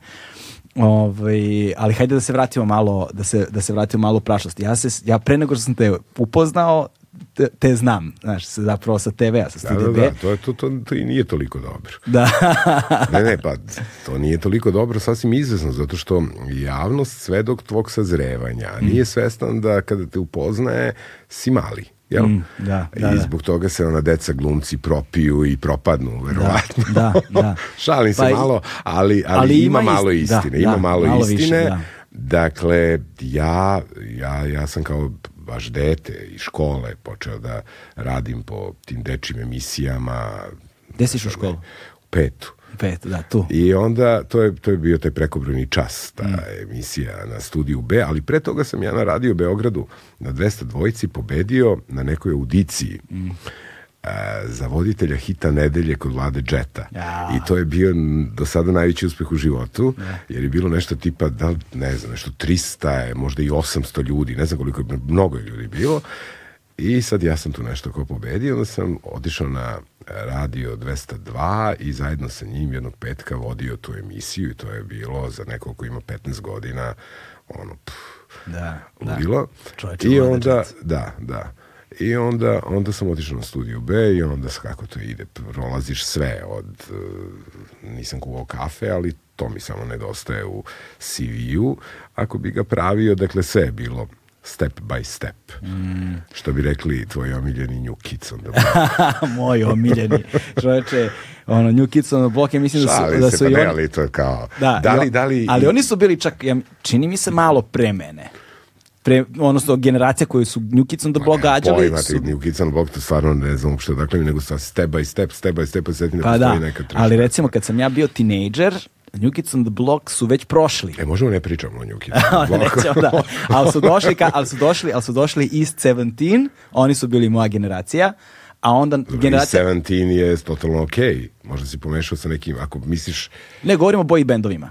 Pa i 17 nije, nije, nije Jeste. ta, ta, Jeste, bre. Ajde, googlaj, molim te, iz 17, baš me zanima da li sam ja to izmislio, nije, to sećanje. Nije, nije. Ove, a posle toga su bili Backstreet Boys. E, pa to već jeste. Da, ali oni su došli malo nakon moje generacije čini mi se. Dobro, Backstreet Boys, to, to, to da, ali ne, mislim, da. znam kao da, što da, da, znam da, da, da, i neke pevače narodne muzike, ali, pa do, ali, ali Eto, oni East recimo... 17 ne spada u taj koš. Misliš da ne? Znam da ne. Jeste, boy band, East 17 boy Onda Ja band. za njih nikad nisam Da, čuo. oni su bili pre, pre Backstreet Boysa, a pre East 17 su bili New Kids on the Block. Ovo, ja uopšte ne znam šta je East 17. A, 91. East tako je. 17. Da, 91. East 17. Ja sam tad imao koliko, 9 godina i taman sam onda ulazeći to... Ili se ne sećam ili nikad nisam čuo za Da, da. Moguće da to nije bio cup of tea muzičkog urednika studija B. Da nikada nije bilo ono na listi ovo može. Pa ja sam Ovaj, te bendove otkrivao tako što smo kod drugarica viđali postere na zidovima, znaš, i onda, Bravo. da, tako, e, to, da, to, vidi, vidiš i onda na nekoj kaseti negde čuješ ili na MTV-u vidiš spot. To je Ali to. ja i dalje ne mogu da, uopšte nemam u glavi East 17, znači no. Da, e, e, to dobro, znaš, to, nisi ta generacija, znaš. Ovaj, kao što ja sad ne znam neke tamo druge, nemam pojma šta se sad sluša ono, među te- tom generacijom, taj uzrast nije baš Da, nešto što da, pratim. da, da, da. Ovaj, a, ali me zanima, znaš, kako, kako su, šta je bilo prvo što si radio na televiziji? Ja, ja, ja se sećam tebe, ti si, sad kako se to zvalo čoveče, nije popcorn, nije nešto, je bilo, znači neki filmski... Na pre- prvi pogled je bio na prvi, filmski. na filmski, Da, filmski, a pre toga je prvo je bilo Cinema klub. Cinema klub. Cinema klub je bilo, to je, to su, to je, to je nešto vreme, početak rata ili možda pred rat, ne mogu da se setim. Mm. Ovaj, dakle, ono, ili 90. ili 91. tako nešto. Možda čak i 92. Ne znam, ali to nešto.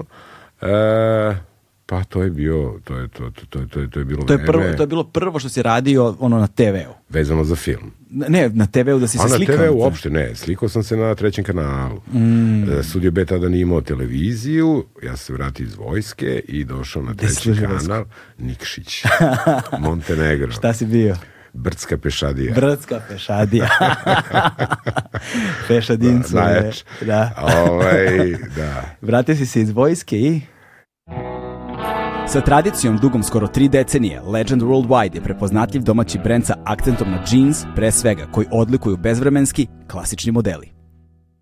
I tad je nastao treći kanal i masa ljudi koje sam znao su radili na trećem kanalu i onda su me pozvali da dođem i onda je bilo ono, sediš, piješ kafu i dođe urednik uh, Miće Jovanović i onda kaže ti mali dođi, možda bi mogao da radiš ovo, možda bi mogao da radiš. Ja sam prvo pisao neke vesti, nešto se ni ne sećam. Ali to je bila super ekipa ljudi, bilo je dosta dosta, dosta zanimljivih Taj treći kanal je iznedrio baš puno televizijskih ličnosti. koje Dobro, to je normalno, šta znaš. god da se pojavilo prvo, to bi bilo to.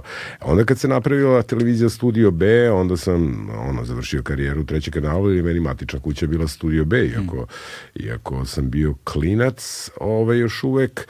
I onda je, kad je krenula televizija, eh, onda me je pozvao Sloba Konjović i rekao, ja bih mislio, ja, ja bih mislio, ja, ja, ja mislim da ti treba da radiš u top listu, ja sam naravno bio oduševljen.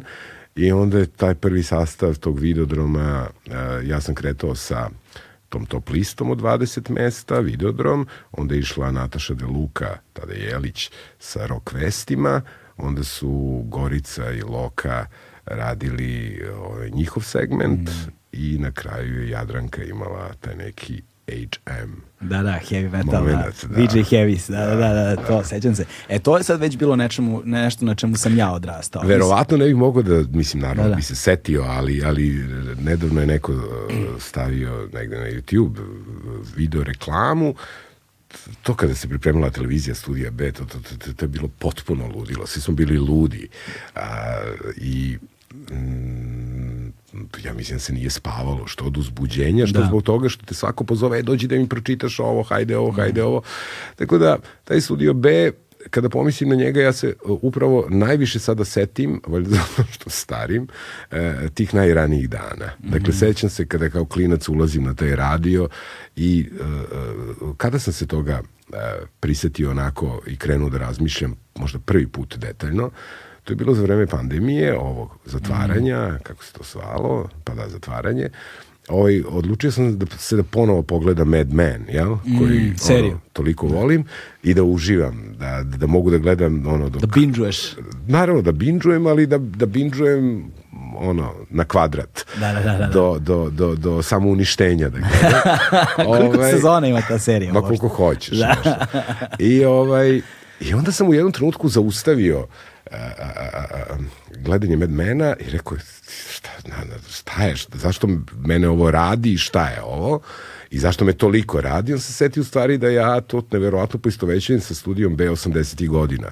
Ulazak e, u one prostorije. E, dakle, ja sam našao adekvatnu e, zamenu za svakoga u onoj agenciji ko bi Aha. mogao da bude ko i ja sam zaista sve te ljude doživljavao e, mistifikovao, oni su imali neke fenomenalne živote, to je bilo vreme onoga što možemo i što često nazivamo nekog blagostanja u toj prvoj nezavisnoj radio stanici, odnosno da. televiziji kasnije pre toga e, radio stanici koja je bila tako drugačija od svega što se, što se pojavilo u tom socijalističkom svetu. Ovaj, e, I sada se neverovatno često setim e, neke e, konverzacije, e, nekih saveta, što zvuči malo bez veze kad kažem saveta, ali da. ok, kad si početnik onda ti dođe neko pa kaže ne ovako, nego ovako, mm. ovde.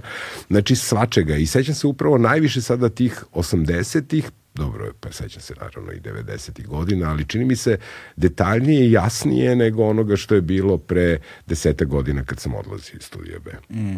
U stvari otišao. Da, ovaj, ono što je uh, tu negde meni bilo važno i ostalo kasnije u životu zbog čega su mi, ne znam, i Jadranka važna i ti, pre svega gro ljudi sa studija B u to vreme i treći kanala, to su bila dva glavne, jer prvo stvar nije bilo puno stanica.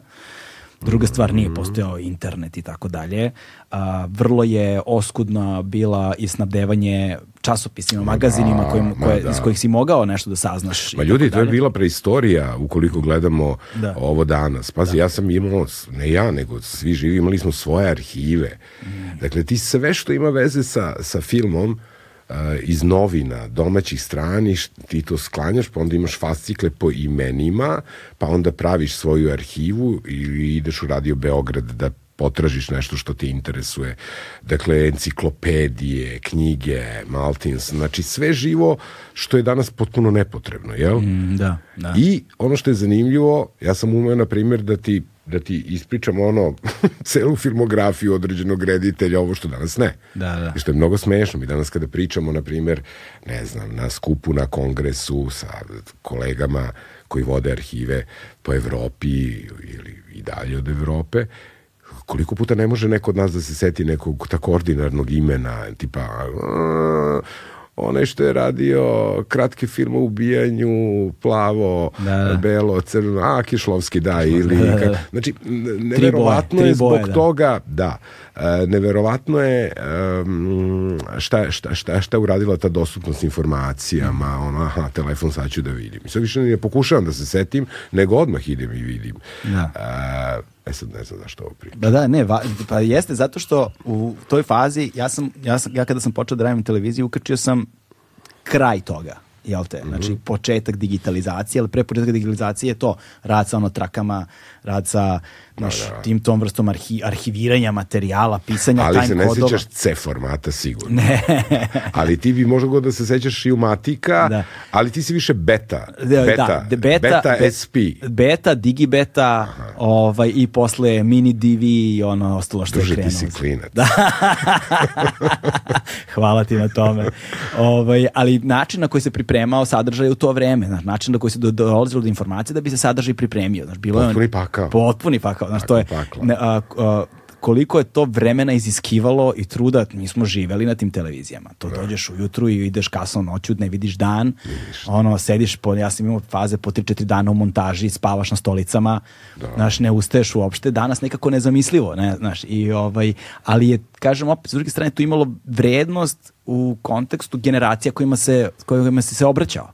Znaš, jer, jer onda imaš s druge strane televizora tamo nekada davno, jel te, imaš klince poput mene, koji kao ako hoću nešto da saznam, imaš vrlo ograničen i broj izvora odakle možeš da dobiješ neku da informaciju. Kako znaš, da ne? ono, I onda si ti bio jedan od tih. I ja se se tvoje, ono, Jugoslav je bio jedna od najpoznatijih televizijskih ličnosti, ono, gde god da odeš, ti si bio... Pa možda za tvoju, za tvoju generaciju, za klince, da. Da, Da, da. ovaj, ali ti, kad imaš taj mali broj televizija i kada e, radiš nešto što, ok, ljudi tvog uzrasta vole da vide, da bi se informisali, da bi videli novi video e, benda U2 ili Bowie-a ili ne znam nijako. Mislim, to, to, to, naravno da onda to ima ima, donosi sa sobom i nešto što neko voli, neko ne voli, a to je nešto što si sam iskusio sigurno, ne sigurno, nego 200%, a to je ta, to, to, to mm, nemogućnost da u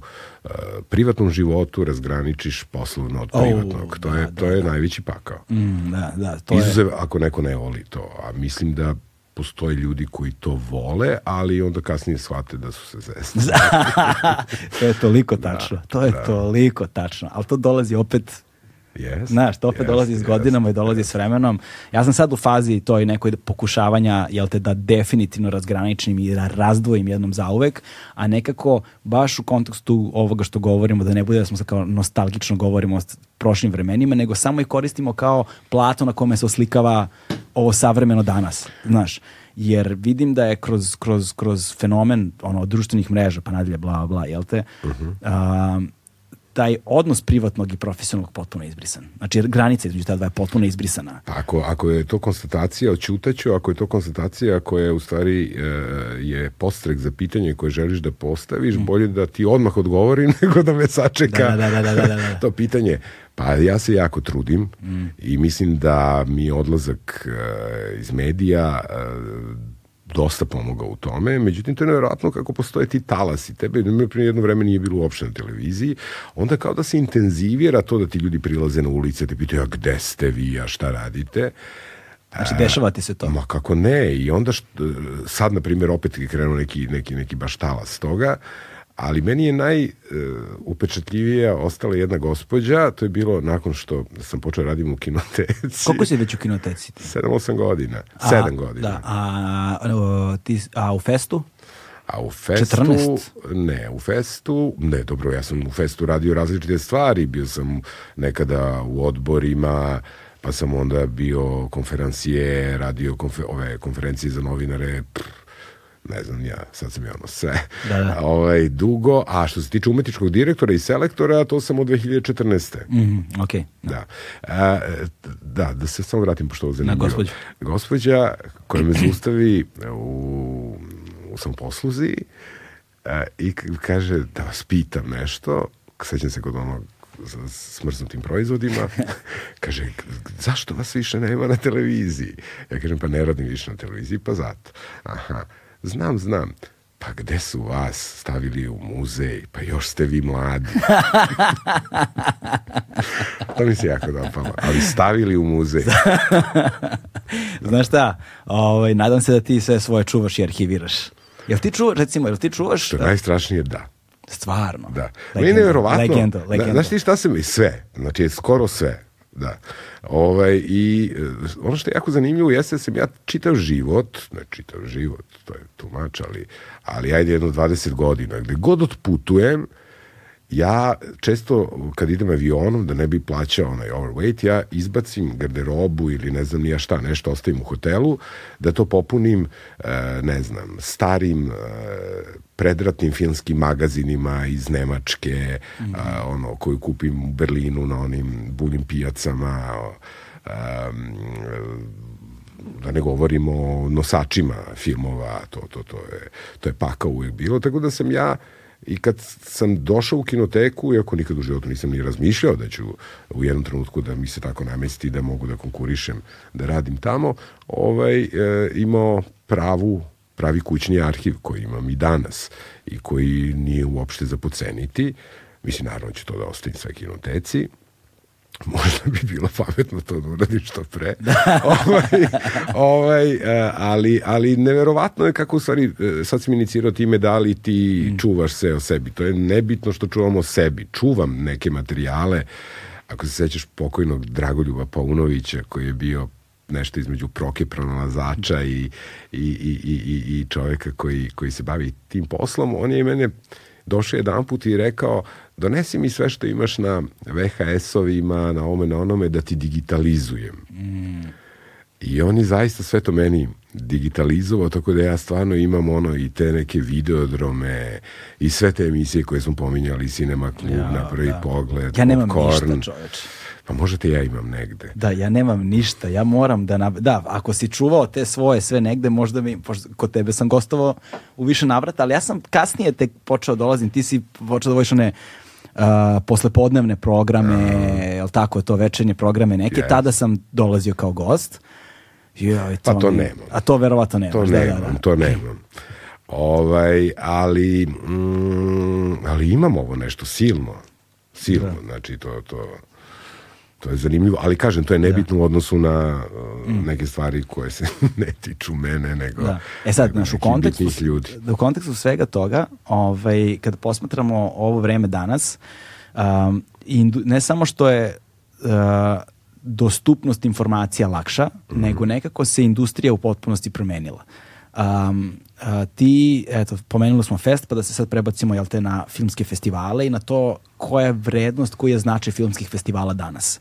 A, šta je bila uloga filmskih festivala pre digitalne ere, pre ere streaming platformi, pre ere ono, naš, portala Sata, i društvenih mreža koji da i koja je njihova uloga danas mm -hmm. nakon svega? Pa da ti kažem, to je kao i svako na izgled jednostavno pitanje, ono je najteže. Dakle, prvo i osnovno zavisi o kom festivalu je reč, jel? Ako kažemo da imamo dobre i loše festivale, mi sada pričamo o dobrim festivalima, da. jel? Dobro. A, dobri festivali e, danas, krenut ću od e, danas, e, jesu neki, neću reći poslednji bastion, pošto zvuči kao neka, neka, neka hm, to je poslednja odbrana nekomercijalnog filma, jel? A, upravo te neke nagrade koje se deljuju i publicitet koji ga prati, a to je već industrija, utiče na nastanak kvalitetnog filma koji može da računa na nagradu na nekom Kanu, Veneciji, Berlinu, Lokarnu, San Sebastianu ili bilo kom festivalu ovaj, ovaj, ovaj, koji, koji, koji drži do sebe jako dugo.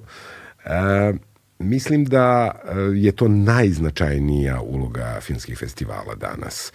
E, afirmacija filmske umetnosti obično kod nekih od pomenutih festivala podrazumeva i nešto što e, nije umetnost, ali je u službi umetnosti i ja to mogu da razumem pa i da podržim.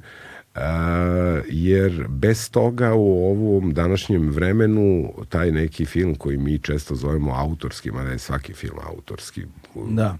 izuzav onoga koji nije ne shvatio sam da nije baš svaki autorski s obzirom, zavisi kako gledamo znači ukoliko je producent taj koji je veći autor od autora onda onda je on autor, jel? Mm, da, da. A, da, šta zapravo definiše autorski film? Pa mislim sve zavisi kako ga, kako ga gledamo. Autorski film je onaj film koji, iza koga stoji autor, ali tu se misli pre svega na reditelja, bilo bi idealno da je to scenarista i reditelj, jel? Mm -hmm.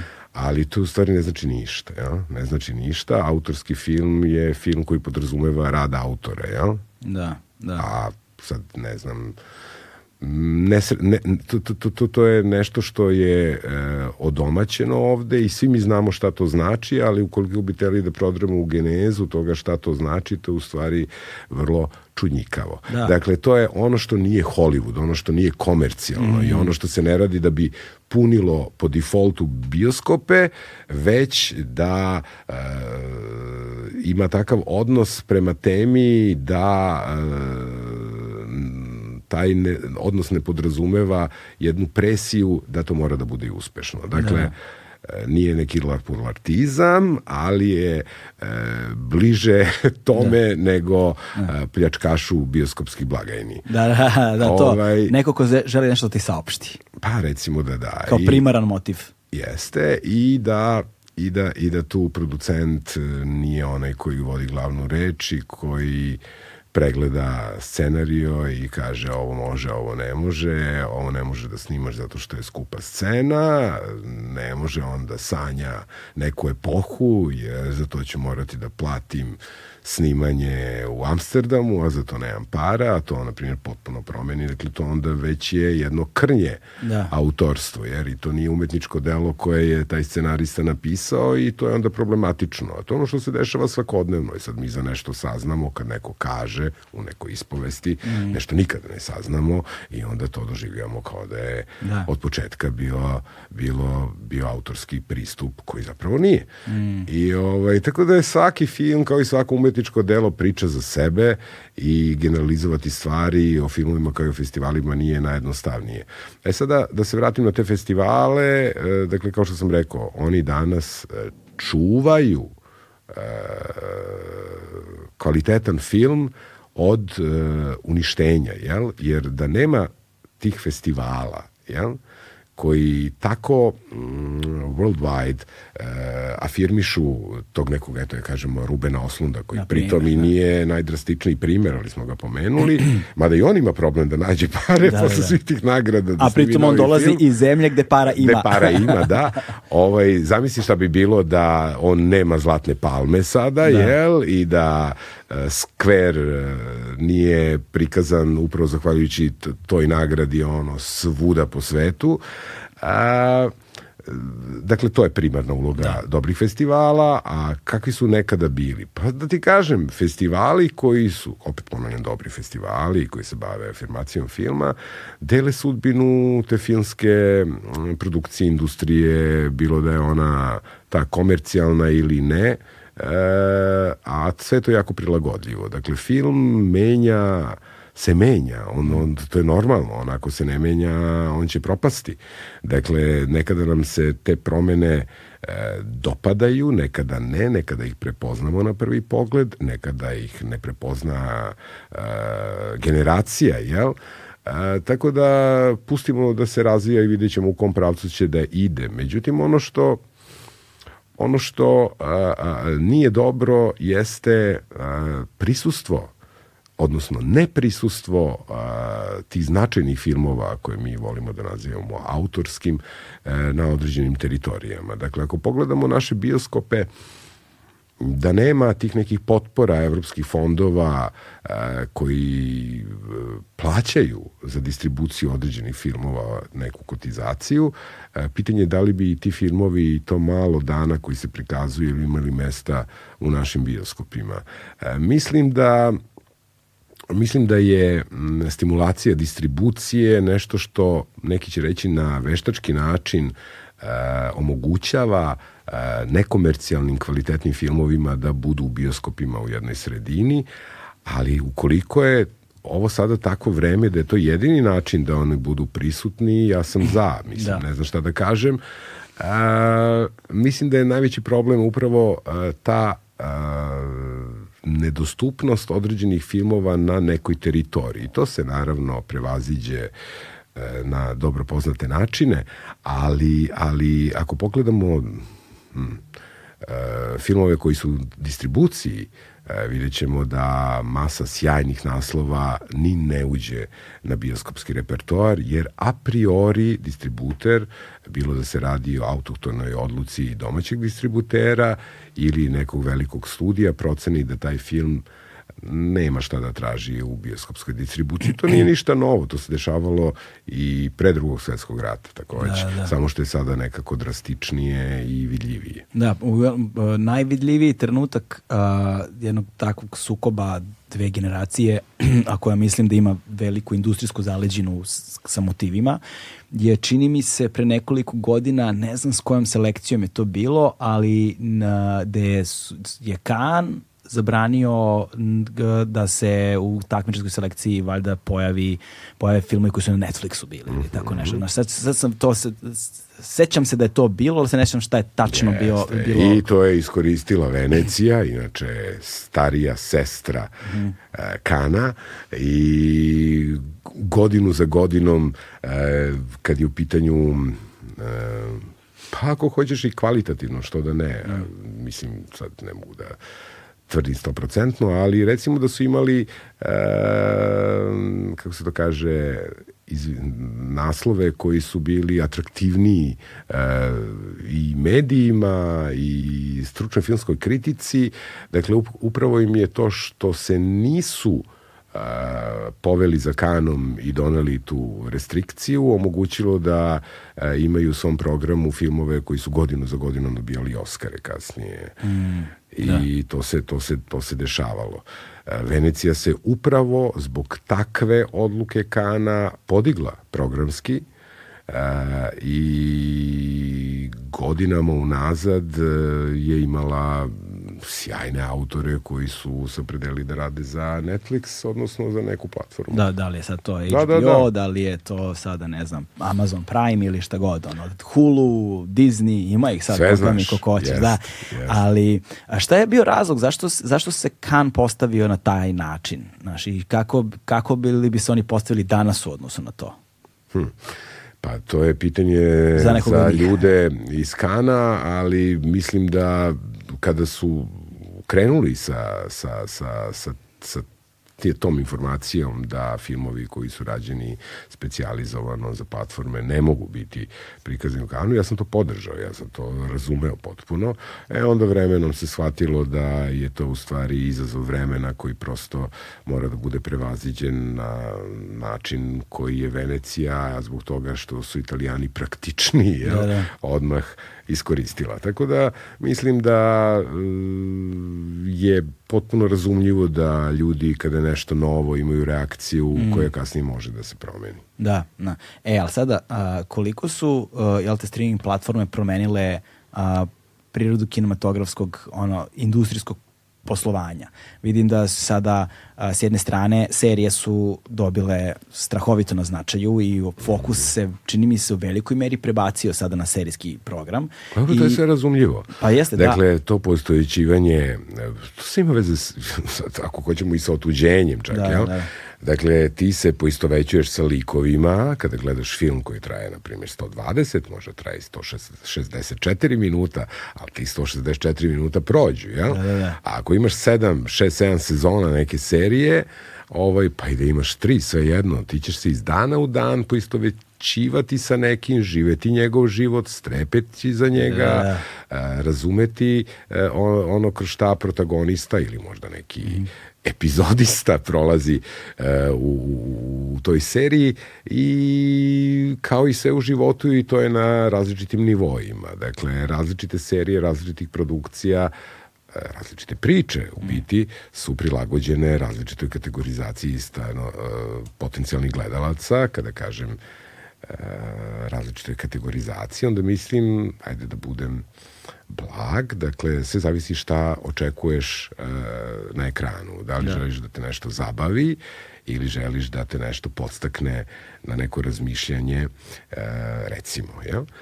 Tako da uh, imaš one koji će da uživaju i sezone u sezonu u nekoj sapunici. Mm -hmm imaš ljude koji će se opredeliti da pogledaju nešto jako ozbiljno, a to je jedan od razloga zbog čega ljudi češ, često gledaju serije, najosnovnije je zato što su one sada dobre. Dakle, sad ostavljamo ove što se zabavljaju sa punicama i isključivo pričamo ovima koji u seriji traže isto ono što traže u dobrom filmu ili dobroj, dobrom romanu ili u dobroj kompoziciji dok je slušaju, jel? Da. Zavaljeni da. u naslonjaču.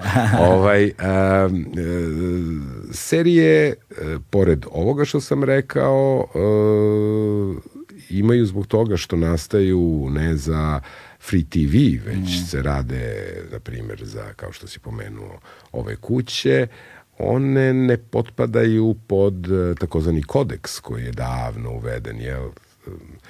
Bilo bi mi zadovoljstvo da jedan put pogledamo Hollywood pre kodeksa i da vidimo kakva je ta politička nekorektnost koja je tada bila korektnost, jel? Da, da, da. I koliko u stvari ono što time nazivamo danas uh, šteti mm. uh, upravo toj to, tom umetničkom izrazu koji nam dolazi iz velikih studija pre svega, a, ali a, a, sve ovo što govorimo te serije su oslobođene, pa zbog toga, toga tu imaš i tu slobodniju golotinju i sve ono što već na prvi pogled ti ukazuje da se radi o nečemu što ne prolazi neku cenzuru koju zahteva prikazivanje tih programa na Free TV-u I naravno da je ovaj talas koji dalje traje, ja ne znam da li dožive amplitudu, čini mi se da možda i nije, mada sam ono u trenutku kad je bio Prison Break i ono kada je bio taj talas rekao ovo je sada amplituda. Međutim, ne mislim da jeste. Moguće da, da, da, da, da, da će to još, još, još da, da raste. E, tako primamljiv i tako e, bitan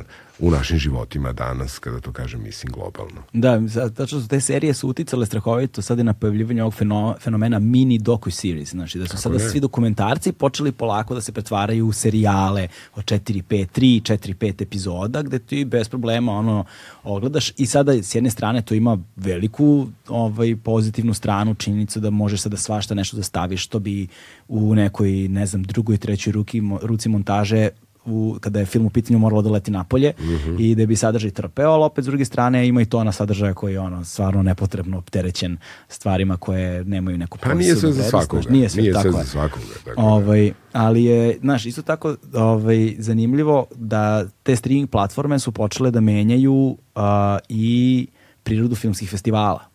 Mm ovaj, posmatrajući recimo Sarajevo Film Festival sad ne, to, pošto je to bilo mm sko, najskorije pa pomenemo, naš serijski program uzima sve veći komad jel te festivalskog programa mm -hmm. ovaj, i sad oni imaju dok, dakle, taj prateći segment koji se tiče industrije koji je otvoren takođe, pa onda taj segment nagrada kada su u pitanju, jel te, to je mislim krenulo sad od ove godine, čini mi se, nisam siguran, mm -hmm. kada su u pitanju isključivo serijski program. Nije, nije, nije od ove. Nije od ove, da, mm -hmm. to, ovaj, ali znači uzima sve veći komad kolača i sad pitanje kako on utiče na sam film kao takav, znaš, kako recimo... A, ne smetamo, ne smetamo. Ne smetamo, ne smetamo, ne, smetamo, ne, ne, kako izgleda ne. selekcija festa, ono, i kao, ono, da li se priroda samog festivala gde ti stojiš menja u odnosu na to kako se menjaju te industrijske okolnosti? Pa kako da ne? Kako da ne? Konkretno ja nisam naišao na razumevanje kada sam a, predložio da a, imamo prisutnije program serija na festu, ali svake godine imamo spotlight na hmm. e, određenom broju, odnosno jednoj seriji koja najčešće dolazi iz naše produkcije. E, mislim da je malo ko očekivo da će, kada govorimo o domaćim prostorima, srpska produkcija doživeti ovo perikle, ovo doba, ja. A definitivno jeste. Dakle, tu se definitivno ističu um, serije produkcije Farfly. E, to je jedan standard koji apsolutno zaslužuje sup sve pohvale. Ja evo, na primjer, trenutno uživam u seriji kreatora Bobana Skerlića Klan, meni se to jako, jako, jako sviđa. Ovaj, sve mi je tu mm. potaman e, i mislim da je to što su pre svega oni, ali i drugi koji rade dobre projekte, uradili sa ovom našom TV produkcijom nešto što bi moralo da se nastavi, s obzirom da ta dominacija, kvalitativna dominacija, pa i kvantitativna, mm. e sad ne znam da li kvantitet daje kvalitet, mislim da to nema veze sa tim u ovom slučaju, jer mi se čini da te neke produkcije koje rade kvalitet, rade isključivo kvalitetne programe, a mm. da opet ima i nečega što je malo drugačije, ali nema veze i to treba da postoji, verovatno ovaj, e, ne znam što sam sad da kažem. A, a ne, ne, ne, nema veze, vratit će, setit ćeš se, ali, o, ali zanimljivo je da recimo... Ili neću. Da, ili ne, nema veze. Da, ali, je, ali super mi je recimo činjenica da je taj kvantitet a, posledica, jel te, postojanja sad nekog novca na tržištu kojeg ranije nije bilo i da sad mhm. taj neću da kažem suficit, ali ajde u nedostatku bolje reči, suficit tog novca otvara mogućnost nečemu što nije bilo toliko prisutno ranije kod nas, a to je žanrovski Uh -huh. uh, žan, žanrovska serija, na primjer, naš, ili žanrovski film. Ovaj primjer radi kao što je sad ova serija um, Crna svadba, recimo, što sad ti možeš da uvedeš horor kao element, nešto što nisu mogli da zamislimo Ne, to je genijalno. Znaš, to je potpuno je, genijalno i Crna svadba, koliko uh, imam informacije, to je poprilično uh, vlada interesovanje uh, van naših mm. granica za, za tom serijom. Znači, a, kvalitet je nešto što, da. što, što, što se prepozna vrlo da. brzo, a Srbija trenutno Uh, mislim, sad ne govorim kao uh, PR, da.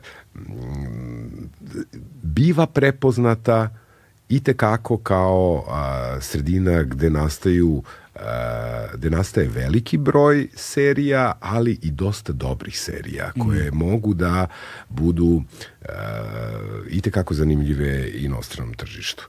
Dakle, mislim da je to jedan mm, nešto što na čemu bih ja da mogu i insistirao da se to nastavi, Da. jer je to poprilično važno i neverovatno e, evo na primjer sada će i Euroimage da, da, da, da poseti pažnju e, serijskom programu i mislim da e, su mnogi filmski centri, e, mnogi fondovi prepoznali potrebu za finan, sufinansiranjem serijskog programa. Bilo bi lepo da i Filmski centar Srbije to takođe uvrsti u e, svoj nemali broj konkursa kad je u pitanju sufinansiranje filmova do sa sada. Mislim da je TV serija nešto e, što ni na koji način ne treba e, odvojiti od filma. Aha. FTS ne daje lovu za Još serije. uvek ne. Još uvek ne. Aha, nisam, da, nisam znao to. E, ono što je meni recimo isto takođe zanimljivo kad govorimo o tim streaming platformama jeste nekako, čini mi se da je možda na neki način potencijalno Mhm. olakšan put a,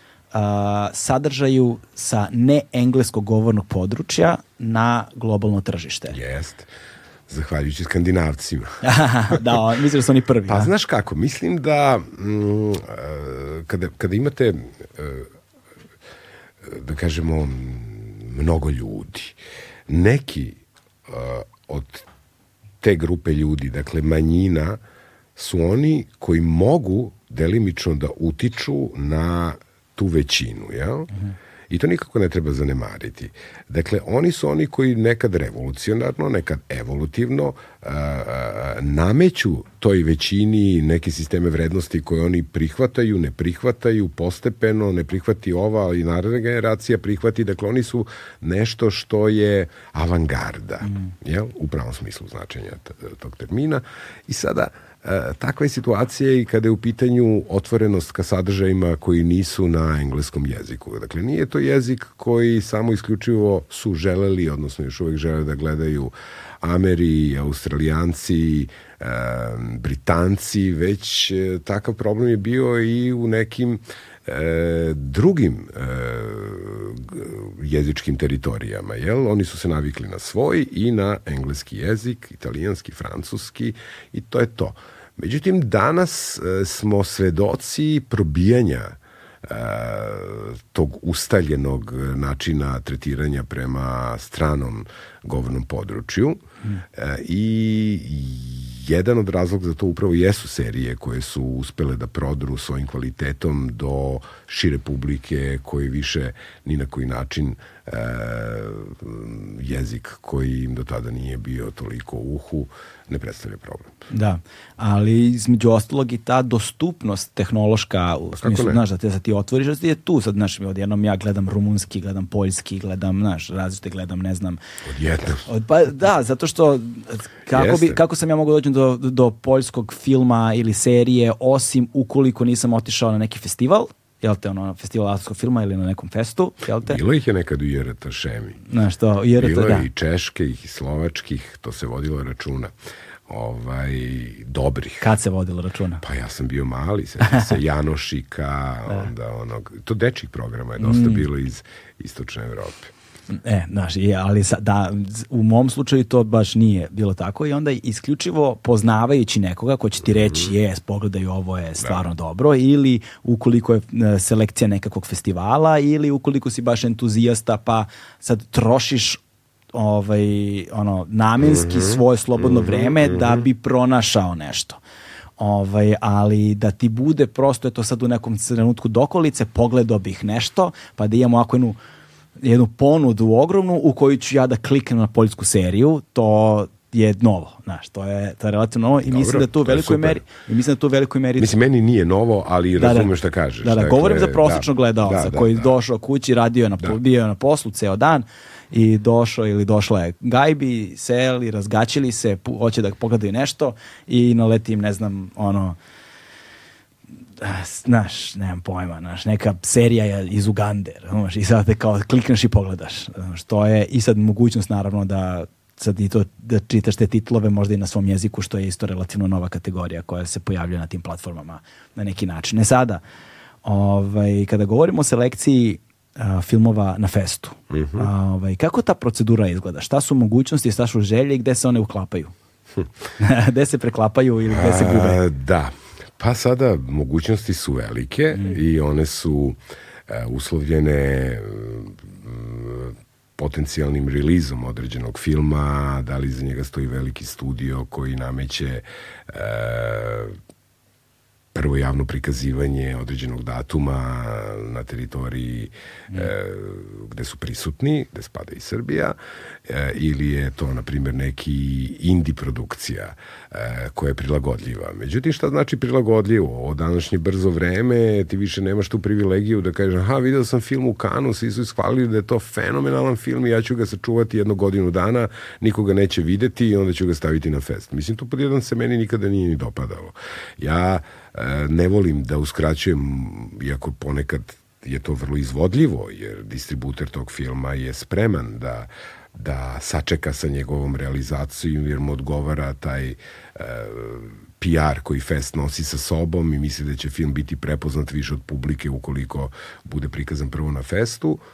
Mm, ja mislim da publika to treba da vidi što je moguće pre, jer ako je to nešto o čemu se priča, mm -hmm. o čemu izveštavaju filmski kritičari sa filmskih festivala i sada stopirati takav film na šest i više meseci da bi on bio viđen na festu, mislim da nije nije baš preporučljivo, da to nije dobro. Mislim, to se mm. radilo nekad, ali mislim da je to iluzorno danas a, insistirati na tome.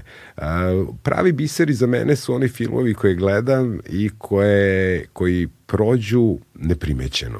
A radi se o o, o, o remek delima, bukvalno, i takvih filmova ima. Mm. Da li su oni kasno prijavljeni, najčešće ja često i dođem do tih autora pa, pa i popričam, odmah i dogovorim film za festival, ovaj, mm, kasno se prijave, skromni su, ne idu na glavni program, nego se prijavljuju za, ne znam, ako je Venecija, Giornati degli Autori ili Horizonti, dakle, te, te male programe. E, onda to su filmi koji eksplodiraju posle određenog vremena, jel? ali je potrebno da budu otkriveni. Dakle, to, to je ne, ne, nešto što meni jeste e, jeste naj, najvažnija e, fora da, da, kad da. je u pitanju koncipiranje programa. E, volim da negujem naravno autore koje, koje afirmišem i one koji su afirmisali ljudi koji su taj posao na festivalu radili pre mene. Ovaj, e, bitna mi je regija, ali ne po svaku cenu. Dakle, ukoliko postoji nešto što je jako dobro, jako značajno, da, ali ukoliko je samo mm, pitanje toga zadovoljiti potrebu za prisustvom filmovima sa određene teritorije, što festivali rade, jel? Mm. onda, onda prosto nemam, nemam taj pritisak u glavi da je to neophodno uraditi. Dakle, da, ukoliko ima kvalitetnog filma iz, na primjer, Hrvatske, bit će ih četiri na festivalu, bit će ih šest na festivalu, ako ih ima šest kvalitetnih. A ako nema ni jedan, neće biti ni jedan. Mislim, i to je, to, to, to, to, to je tako. A, opet... A, se ne sjećam šta Ko, ne, koliko, kako, izgleda, kako izgleda procedura selektovanja filmova? Znaš, koliko, je to ti radiš ono, ja. sam? Sam. Sam, znači kad, kad otvorimo ovaj program, ovaj, program uh, festa i vidimo sve to što se dešava, to mm -hmm. si ti.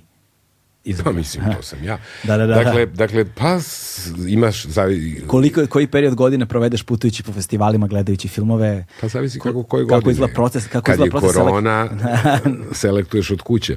Da. Ovaj, pa, pa ja idem na festivale da gledam kada imam vremena, mm -hmm. jel? Obično te glavne festivale pokrijem, E, a kad je sam u mogućnosti da odem, pogotovo kad me pozovu na neki e, festival koji može da bude izdašan kad je u pitanju ponuda e, određenih filmova koji nisu prisutni na tim velikim festivalima kao što je Kan, onda, onda me to poprilično obraduje. Jel? E, Koji su to trenutno festivali koji prave takve ponude?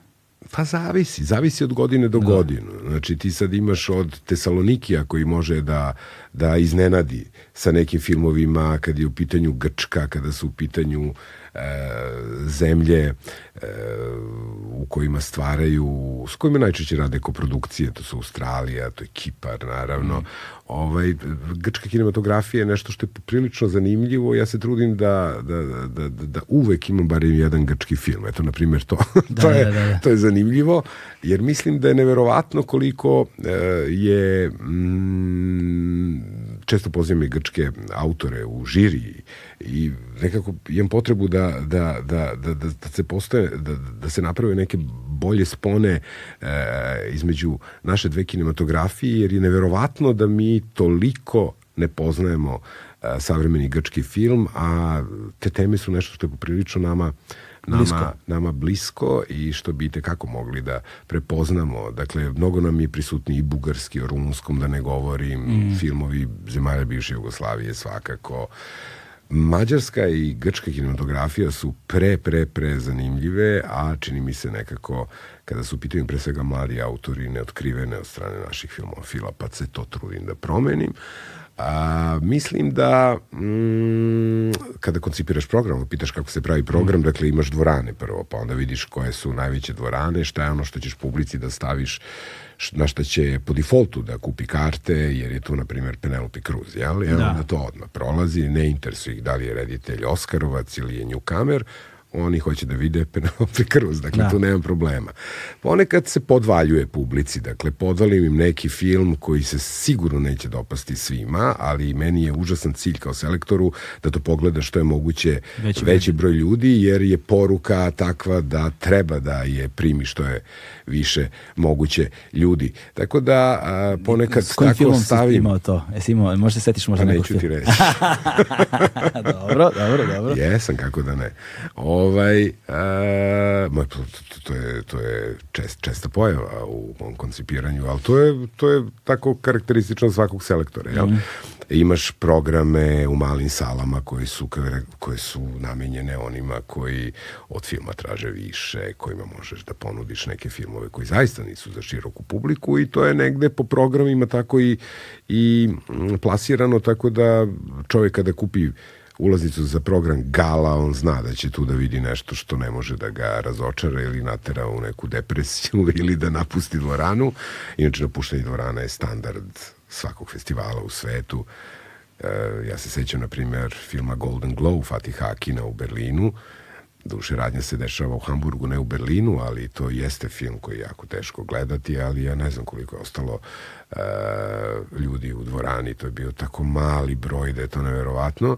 Ovaj, kod nas je situacija bila drugačija. Film je bio emitovan u ponoćnom terminu i publika je znala šta ih očekuje i upravo publika koji traži da. a, tako neki a, film je došla da ga gleda. Tako da koncipiranje tog programa mora da se zna kad šta ide, zbog čega ide, a, kome se obraćaš ti filmom.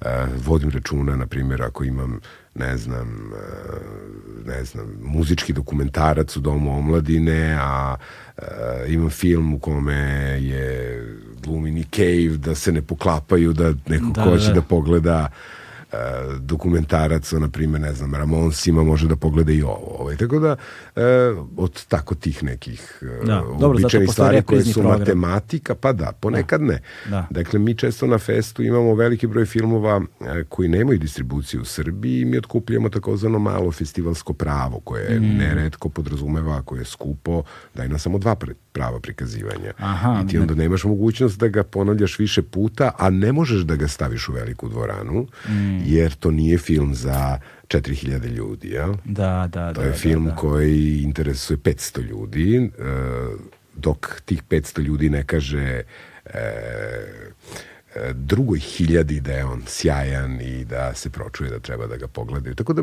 to me frustrira, na primjer. To je, na primjer, nešto što me frustrira ovaj, ne znam, film budu u takmičarskom programu Festa, prođe dve godine i onda mi priđe neko ko u stvari e, prati taj festival i kaže, jao, si gledao ovo, fenomenalno je. Da. Ja kažem, nemoj da pričaš, stvarno. da. I to se dešava često. Dakle, mm. ljudi u, tom, um, u toj šumi ponude se obično vezuju za nešto što su prve lopte. Da. Ja razumem da je to takozvana obična publika i to je sasvim regularno. Međutim, ako si ti filmski kritičar Mm. Pa prijatelju, daj malo izaberi ono, po domu omladine, dvorani kulturnog centra, po terminima koji nisu ovaj, i salama e, namenjeni najširoj festivalskoj publici mm. i tu prepoznaj ono i postavi pitanje a zbog čega je ovo na programu, šta ste time hteli da nam kažete, što ste plasirali ovaj film i slične stvari. Toga nema. Da. Toga nema, dakle, neverovatno je kako iz godine u godinu e, se gubi e, ta novinarska zainteresovanost. Mm, dakle, da. oni su tu da prenesu saopštenje, eventualno da postave pitanje koje se tiče zbog čega ove godine e, projekcije nisu u 19.30, nego u 20 sati, dakle nešto potpuno Trivial. nepretarano vezano za posao kojim se bave. Ok, ukoliko to ima neke implikacije ali to je generalno suštinski nebitno pitanje za da. posao koje one obavljaju. Nema tih pitanja koja su e, problematična, koje afi, ono, prosto te teraju da radiš bolje, jel? Ne, mm. ne. Vidiš, zanimljivo je to zato što u velikoj meri podsjeća na sudbinu muzičke industrije. Um, ono što mi se čini da konstantno nedostaje ovaj, i da je sve veća i veća potreba za time, jeste nešto što je takozvana urednička pozicija, odnosno uređivanje sadržaja. A, jel, Govoriš o medijima sada? O, o medijima, mm -hmm. da, govorimo o medijima, okay. pre svega o medijima, zato što ono, kako se desila, to je nešto što ja pričam toliko krug, pa mi je, izvinjavam se svima koji slušaju ponovo, ali ta digitalizacija kako se desila, mm -hmm. jer prosto ja sam svedok toga, jer, sam, jer je to nešto što je savremeno meni mm -hmm. i ja sam prošao kroz medijski sistem iz analognog u digitalno vreme i vidio sam tu transformaciju uredničke pozicije su postale menadžerske pozicije zato što je klik donosi lovu, je tako? I onda su počele da otpadaju. Te neke, ne, ja sve to razumem i od... često razmišljam o tome, tako da ako pričaš zbog mene ne moraš. Pa ne zbog tebe, nego, nego, nego samo, nego samo, da. mi, samo konstatujem što može da, što je negde ono inicijacija jel te, za taj segment Pa pitanje razgovor. da li je to popravljivo sada već ili je to otišlo toliko daleko da... Za, mislim da ljudi prepoznaju kad se pojavi Aha. neko u recimo sa digitalnom medijskom svetu, da li to YouTube, da li to podcast, Absolutno da li to šta prepoznaju, god. Prepoznaju, prepoznaju čoveka koji prati nešto i pravi ti selekciju. Znaš, ja i dalje na, me, na mailovima imam uh, ono nedeljne liste koje mi stižu od naših poznatih prijatelja sa raznih radio stanica koji više nisu na radio stanicama, mm -hmm. ali koji su entuzijasti u privatnom životu. I pošalju, da. stigne ti ono, uh, naš Mixcloud neki, ti stigne uh, Sunday lista, je selekcija ove da. nedeljne, ovo nedeljne muzike, jer ja jer, jer, jer u takvoj beskonačnoj ponudi ovaj, kroz algoritme ti zapravo sve manje otkrivaš novu muziku. Mm -hmm. Znaš, čini mi se, ali ono što nedostaje toj muzičkoj industriji jeste ono što je nekada bilo važno, ta kritika. Nema je. Znaš, nema je u prostoru, neće neko da posluša recimo novi album ili da pogleda film i da ti sada, sad ne znam koliko kritike filmske postoji danas. Filmska kritika, pa... Kod nas. Sad ću ti reći. Uh, da, pod jedan da bi neko pisao filmsku kritiku, taj neko treba da bude kredibilan to da piše. Mm. Kada to kažem, onda ne mislim da je pismen i ne mislim da je dovoljno samo da voli film, već nekako mm, treba da ima neki mm, ne znam ne znam kako bi to to nazvao, ali e, ono što si ti pominjao na početku razgovora, to sazrevanje neko, da. jel? Da odbaci neke stvari koje su nebitne, da ubije sujetu u sebi, da shvati da i nešto što je na izgled trivialno može da ima uh, dalekosežni uticaj koji je dobar, da sve uzima u obzir, jel? Uh, ja se užasnem kada vidim, na primjer, neki, ajde da kažemo, solidan domaći film koji se ono proglasi u prvoj rečenici da ne budem prost, ali razumeš šta hoću da kažem. Jasne. Dakle, to je, to je neodgovorno za početak. Imamo tu par nekih skribomana a, koji čudno pišu, o, dakle, tu je primjetana neka, neka frustracija, ima dosta, ajde što ima tuđica, nego ima dosta kroatizama, mm -hmm. na primjer, koji po, u biti mi ne smetaju, izuzav ukoliko prepoznam da je to produkt e, jedne inferiornosti u odnosu na e, tamošnje kritičare i onda upijajući ono što oni rade preslikavaju. Tu pre svega da e, mislim na, na, na vodeće kritičare jutarnjeg i večernjeg lista, to je evidentno, ovaj, to, to, to, to mi se onda ne dopada.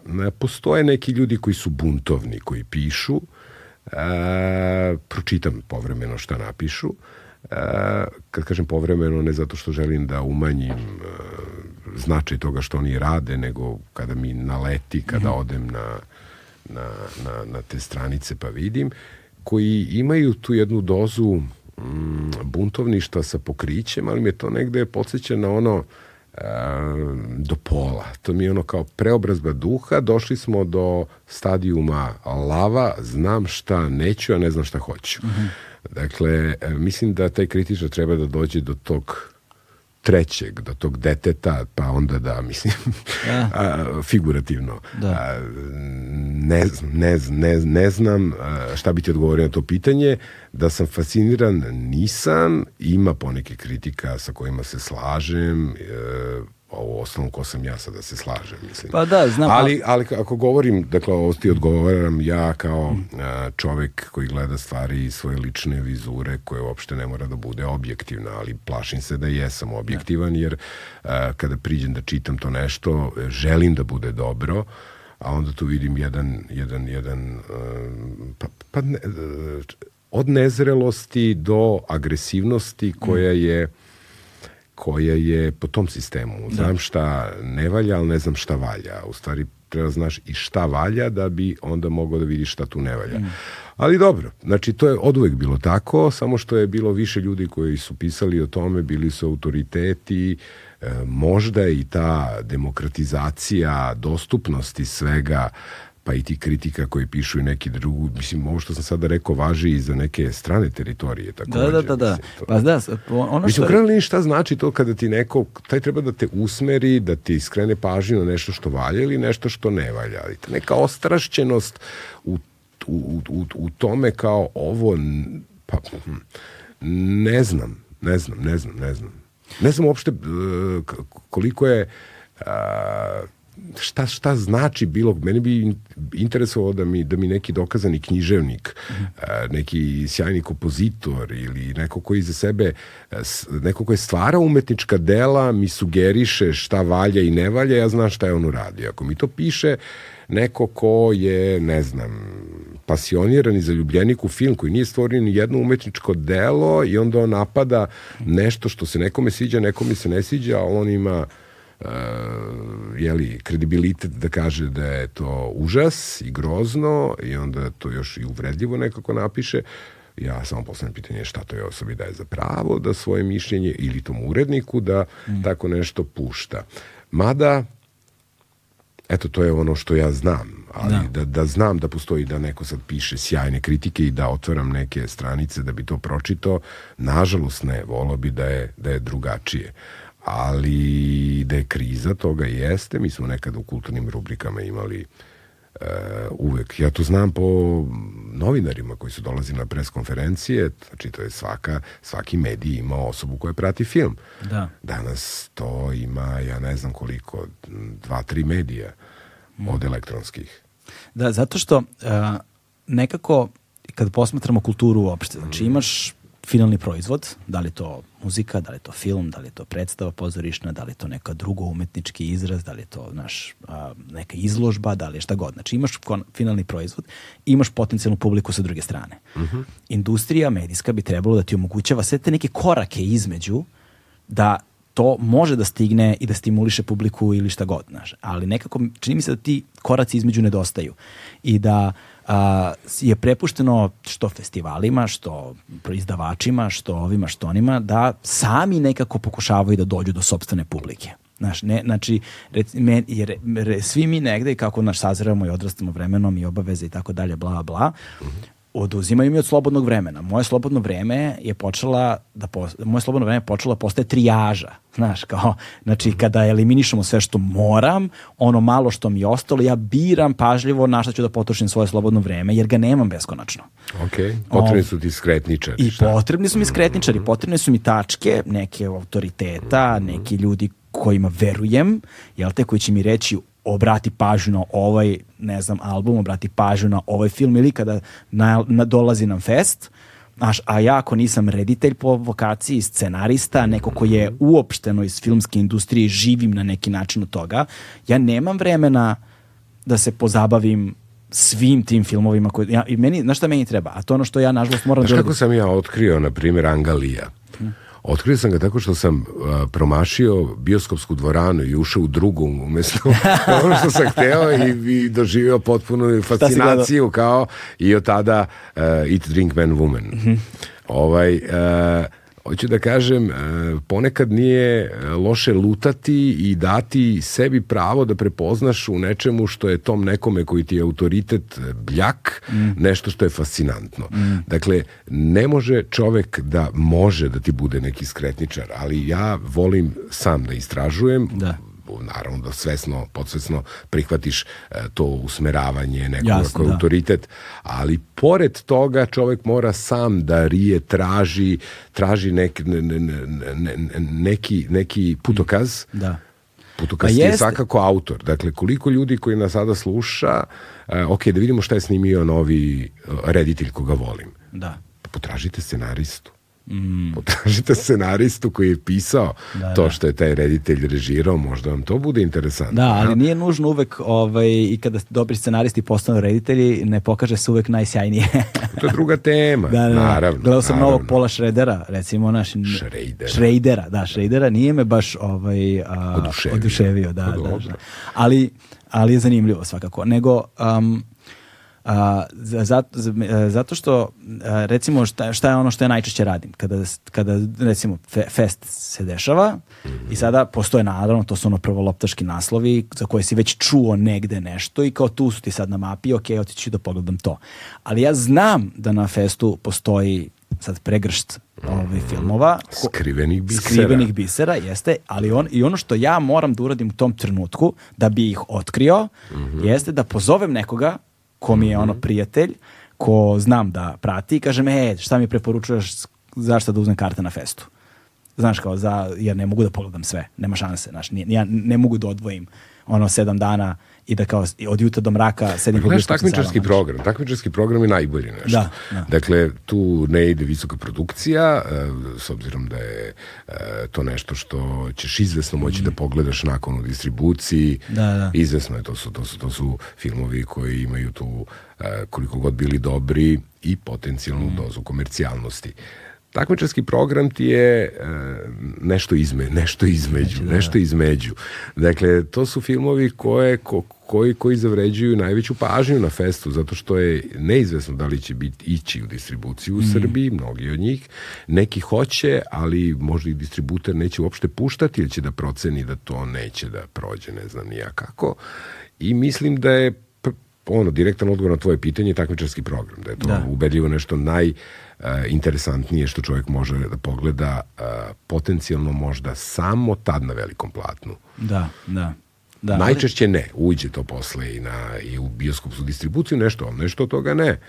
Ne znam, Invis- Invisible uh, Life of Euridice Gužmao, koji je pobedio pre tri godine, na primer, 2019. je pobedio film, to nikada nije ušlo, ja mislim, u, u bioskope, u distribuciju. To, to, to, to, je film koji bi, koji bi svako ko pogleda obožavao, ali, ali i ti ne znaš, pobedio na festu, e, imao sjajan termin, u svakom gostovanju sam pričao ljudi, pogledajte taj film, pogledajte taj film. I evo meni se desi, na primjer, prekjuče da mi priđe neko kaže, jao, kakav film. I onda ja poludim. To me jako nervira, jer, jer e, novinari nisu gledali taj film, ne skreću pažnju na to, pa onda kad je pobedi, oni izveštavaju o njemu. I onda distributer proceni kao pa ovo neće niko hteti da gleda šta sad kao brazilski film, kako to u bioskopima će da radi kada mogu da pustim ne znam ni ja šta i da zaradim novac.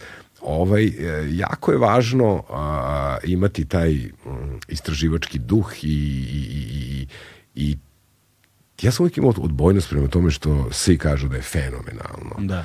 Na primjer, ono kada su se čekali redovi da se gleda Flash Dance u Sava centru, ja iz principa, iako sam bio klinac, nisam teo to da gledam, gledao sam ga 100 godina nakon te lekcije, jer me je užasavalo to što se svi lože na to. Meni se to sa muzikom dešavalo. Da. Da, i sad to je preglupo, ali prosto sam takav. Tako da, e, verovatno imam i ja neki malo mm, taj poremećen odnos prema svemu tome, ali vratim se ja tome. Ali u tom momentu, kada ovo je genijalno, ovo, je- ovo moraš da pročitaš, ovaj pisac, oca, ovo je ludilo i to. I ja pročitat ću kad mi dođe red. Volim da ono, odem i da uzmem nešto što ne znam. Ko je? Ok, yeah. ako ne valja, možda neću završiti, ali neverovatno kakve sreće ima. To je kao da postoji neka vila, da kada se osmeliš da ono, mm. uđeš da gledaš nešto, znaš pojma šta je i, da. na primjer, dolazi iz Burkine Faso, jel da ne da. kažem, da ponovim istu državu koju si ti rekao, ovo, dakle, neka mala kinematografija i onda pogledaš film režije i Driza u Dreogo i kao odlepiš kao kakav film. Ili, ili odeš na letovanje i kupiš e, knjigu u Istri e, koja je objavljena u nekom malom tiražu samo zbog nekog fonda stimulacije EU mladi, da, da. mladi pisci i odlepiš na, na, da. na, na, na, priču, na pisca, na ovo. Tako da treba malo, bez obzira na nedostatak vremena, e, preuzeti rizik i e, okušati sreću e, ono, hajde da vidimo šta je ovo. Pa okej, okay, skuliraš ako ne valja, ne mora, ne mora, nećeš pisati domaći zadatak u tome, to radiš za sebe. Ali meni je to, na primjer, interesantno ovaj, da, da, da otkrijem, istražujem i da ne slušam da. ono što mi, što mi e, drugi savjetuju ili ne, barem ne odmah. Šta ja već zamišljam? Ja već zamišljam podcaste koje bih slušao na tu temu kada, recimo, kada su naši festivali u pitanju. Zaista, znaš, to bi bilo sjajno. Znaš, recimo da Fest ima svoj podcast gde se bavi, ono, izbacuje o filmovima koji su u selekciji epizode gde različiti mm ljudi govore na tu temu. To ne mora da košta mnogo, a može da se uradi dosta jednostavno. A kako da ne? Kako da ne? Mislim da je to jedan od formata koji ljudi dosta konzumiraju danas. To može da bude zanimljivo. Ovaj, kada govorimo o tim selekcijama, već evo na samom kraju, zanima me ovaj, a, a, ko, ko, koliko, koliko uopšte slotova ima ukupno, koliko filmova ukupno možeš da se pusti na festu? Ja ne znam, ko je ukupno? Pa da ti kažem, znači ti možeš da doguraš i do preko 100 naslova, možeš mm -hmm. da ideš 140, 130, optimalno negde, a, brojka sa kojom se baratalo na početku je bilo tako negde 80 filmova, I ovaj, međutim, mm, ukoliko uzmemo u obzir svu tu šarolikost publike i šarolikost onoga što zadovoljava određene grupe, ja mislim da Fest treba da e, zadovolji i one koji, e, čiji ukus zaista manjina manjine, e, onda, onda, onda mislim da je to negde oko 100, 100 i nešto naslova optimalno. E, u kom trenutku a, s, a, program počinje da nastaje? Je li, je li tokom cele godine ga praviš ili čekaš da... To je teško pitanje. Znaš. Dakle, postoje filmovi, evo, na primjer, ja se sećam a, evo, šta je bilo skoro taj slučaj. Aha, Luka Guadagnino, Call Me By Your Name. Aha, da, okej. Okay. To je bio uh, Sundance, pa je bio, pa je bio Berlin neki off program, zato što a, zbog toga što e, je film već bio prikazan u Americi na festivalu, onda to ne može da uđe u trku za, za Zlatnog medveda. I, dakle, ja odmah kontaktiram, da ne pominjemo inostranu kompaniju, ovaj, a, kao, ok, važi, ali upravo je uzela ova kompanija za vašu teritoriju i mm. hajde dogovorit ćemo se za sledeće izdanje. Pazi, to se dešava u februaru, ja imam mogućnost da ga još uh, stavim na fest i onda ja živim godinu dana sa tim da taj film imam za sledeću godinu uz uh, uh, informaciju, ne sekirajte se, neće biti kasno. Naravno, taj film posle James Ivory dobio Oscara za scenarij, ima nominacije i ovaj mali Timothy Chalamet i ovaj ono i to je sjajan film, to je genijalan mm. film. A ovaj, i, i, nije muzika, bilo, muzika je spektakl. Koja muzika je, je spektakl. Da, da. spektakl i komponovana za film i ona koja je iskorišćena mm. iz 80-ih ono italo disco da, treševi da. neki koji su ovde potpuno dobili jednu novu dimenziju. To je, to je, to je na primjer, taj Luka Guadagnino je neverovatan i sa ovim novim filmom Bones and All mm. je, taj čovek je, uopšte nije e, priznat koliko bi mogao da bude, zato što e, niko ne vidi šta u stvari taj čovek radi. On, on, on, on se izražava svojim filmovima sa ciljem koji nije uopšte prva lopta. Nije, nije, nije, nije, ali, ali nema veze, to je možda moje opet subjektivno što bi ja nametao to drugima. Hoću da kažem, eto, na primjer, taj film je čuvan bio godinu dana da bi se prikazio na festu, bez mogućnosti da e, uopšte posle uđe u, u bioskopsku distribuciju. Mi smo ga kao kinoteka, mislim, posle prikazivali nekoliko dana, sve je bilo puno, naravno, u to vreme je bio veliki hajp oko tog filma. Ali to, to je skoro neki, znači odgovor je nema pravila.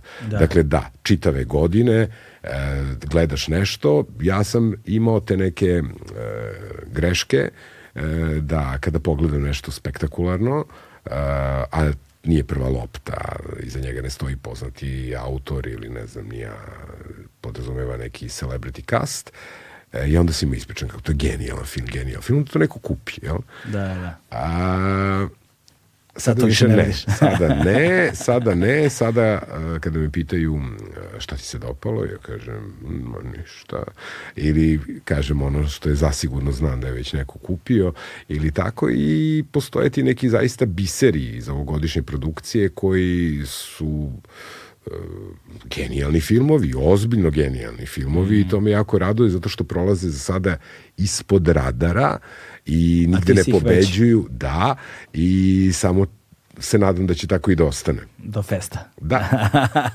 A koji procenat otprilike programa već imaš za iduću godinu? pa da ti kažem, ti uvek imaš mogućnost uh, kako bi ti rekao, kada bi sada pogledali telefon, ti onda vidiš hiljadu jednu poruku, evo pogledaj ovo, pogledaj ovo, pogledaj ovo, vidi ovo, bilo bi dobro da ovo uzmete, evo ovo ti je ovo, ti je cup of tea, ovo, a? i to, to, je, to je to je samo po sebi dosta opterećujuće, pošto e, često ti neko učini neverovatnu uslugu da dobiješ e, određeni film za fest e, i to negovanje autora i postoji dosta tu matematike. Postoji dosta tu matematike, ali ja kad koncipiram program, ja se potrudim da, da to bude dosta jasno onome ko se opredeljuje šta će da gleda, a, a odgovor direktan na, na tvoje pitanje je, pa ne znam, ne znam, mislim, ako bi mi sad rekao zatvorit ćemo te ovde e, dok ne napraviš program, ja bi ga napravio, jel? Potpuno, ali kako prolaze godine i kako se čovjek uči, nekada ja dođem pogledam, kažem da se dogovorimo, uzimam film i to. Sada ne. Sada da kada sam 100% siguran da je to A to ređe i delo, ređe. a to je sve ređe i ređe, ovaj, i obično ostavljam ljude e, bez direktnog odgovora e, da bi dao sebi e, mogućnost da pogledam možda nešto bolje pa onda da uzmem to, a ne ovo. Ali to se sve uči vremenom. To je ist sve, e, kako bih rekao, kilometraža. Da. Ajde, ovaj, ajde za kraj, nešto što nemam običaj da radim, ali u tvom slučaju prosto moram.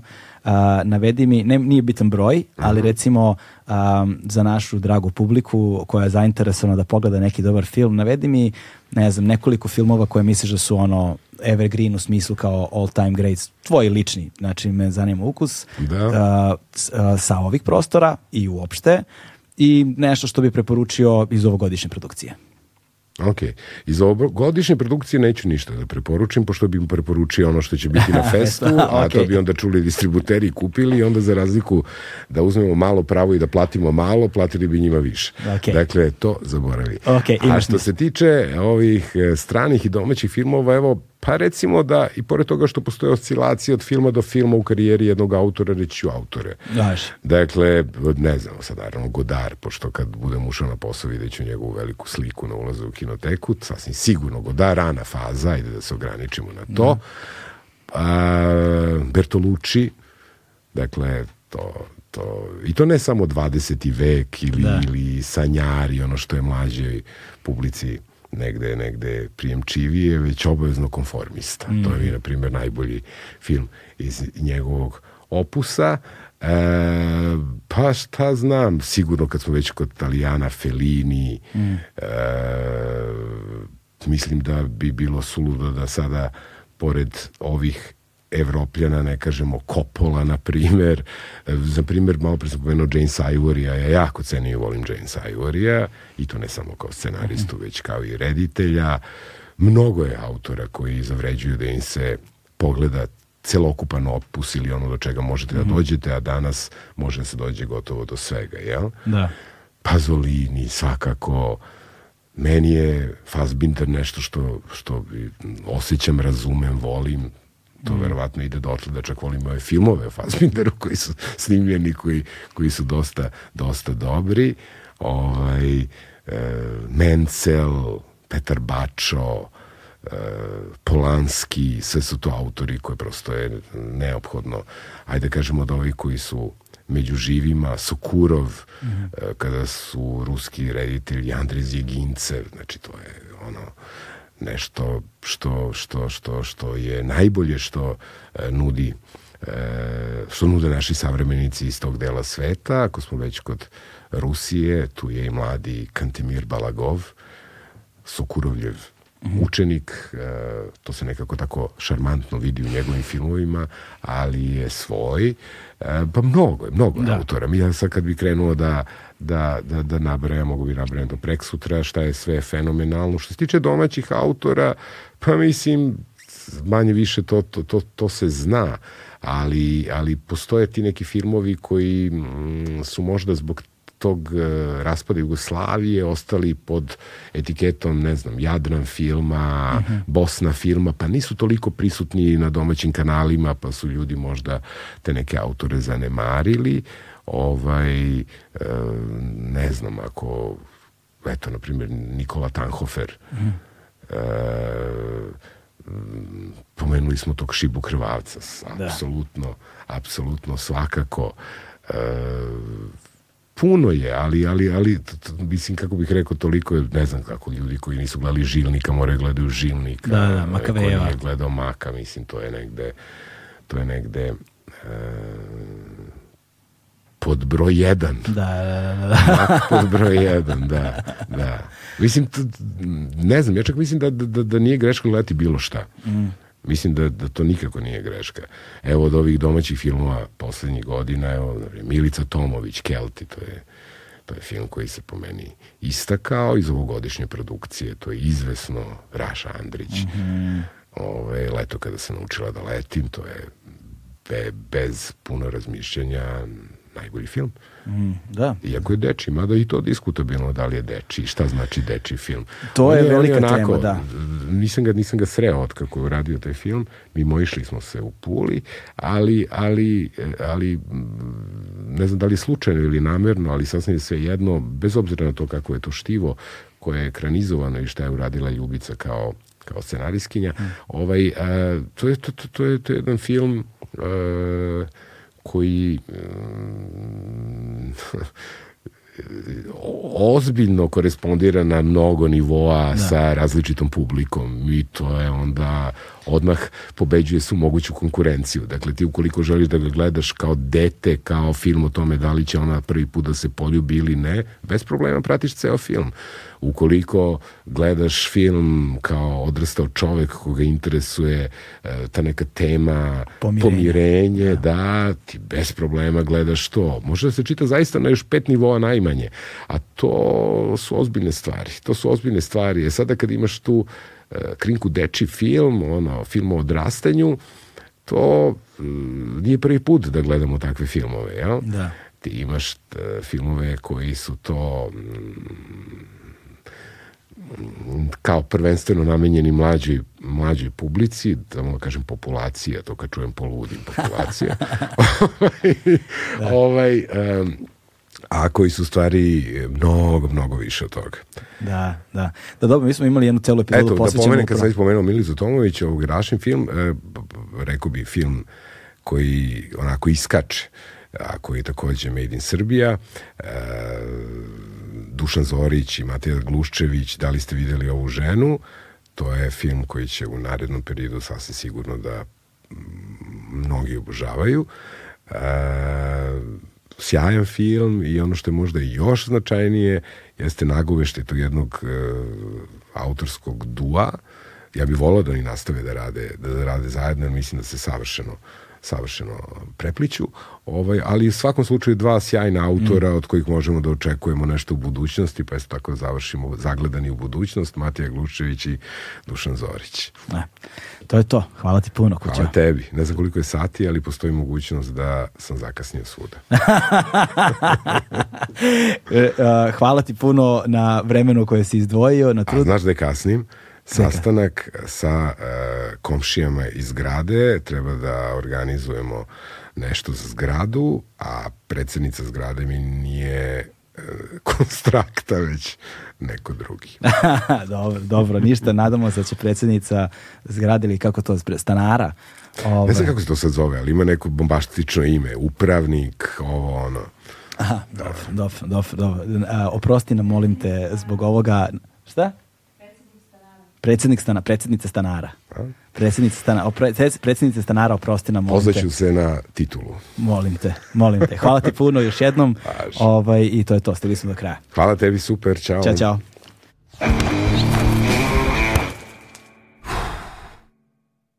Hmm.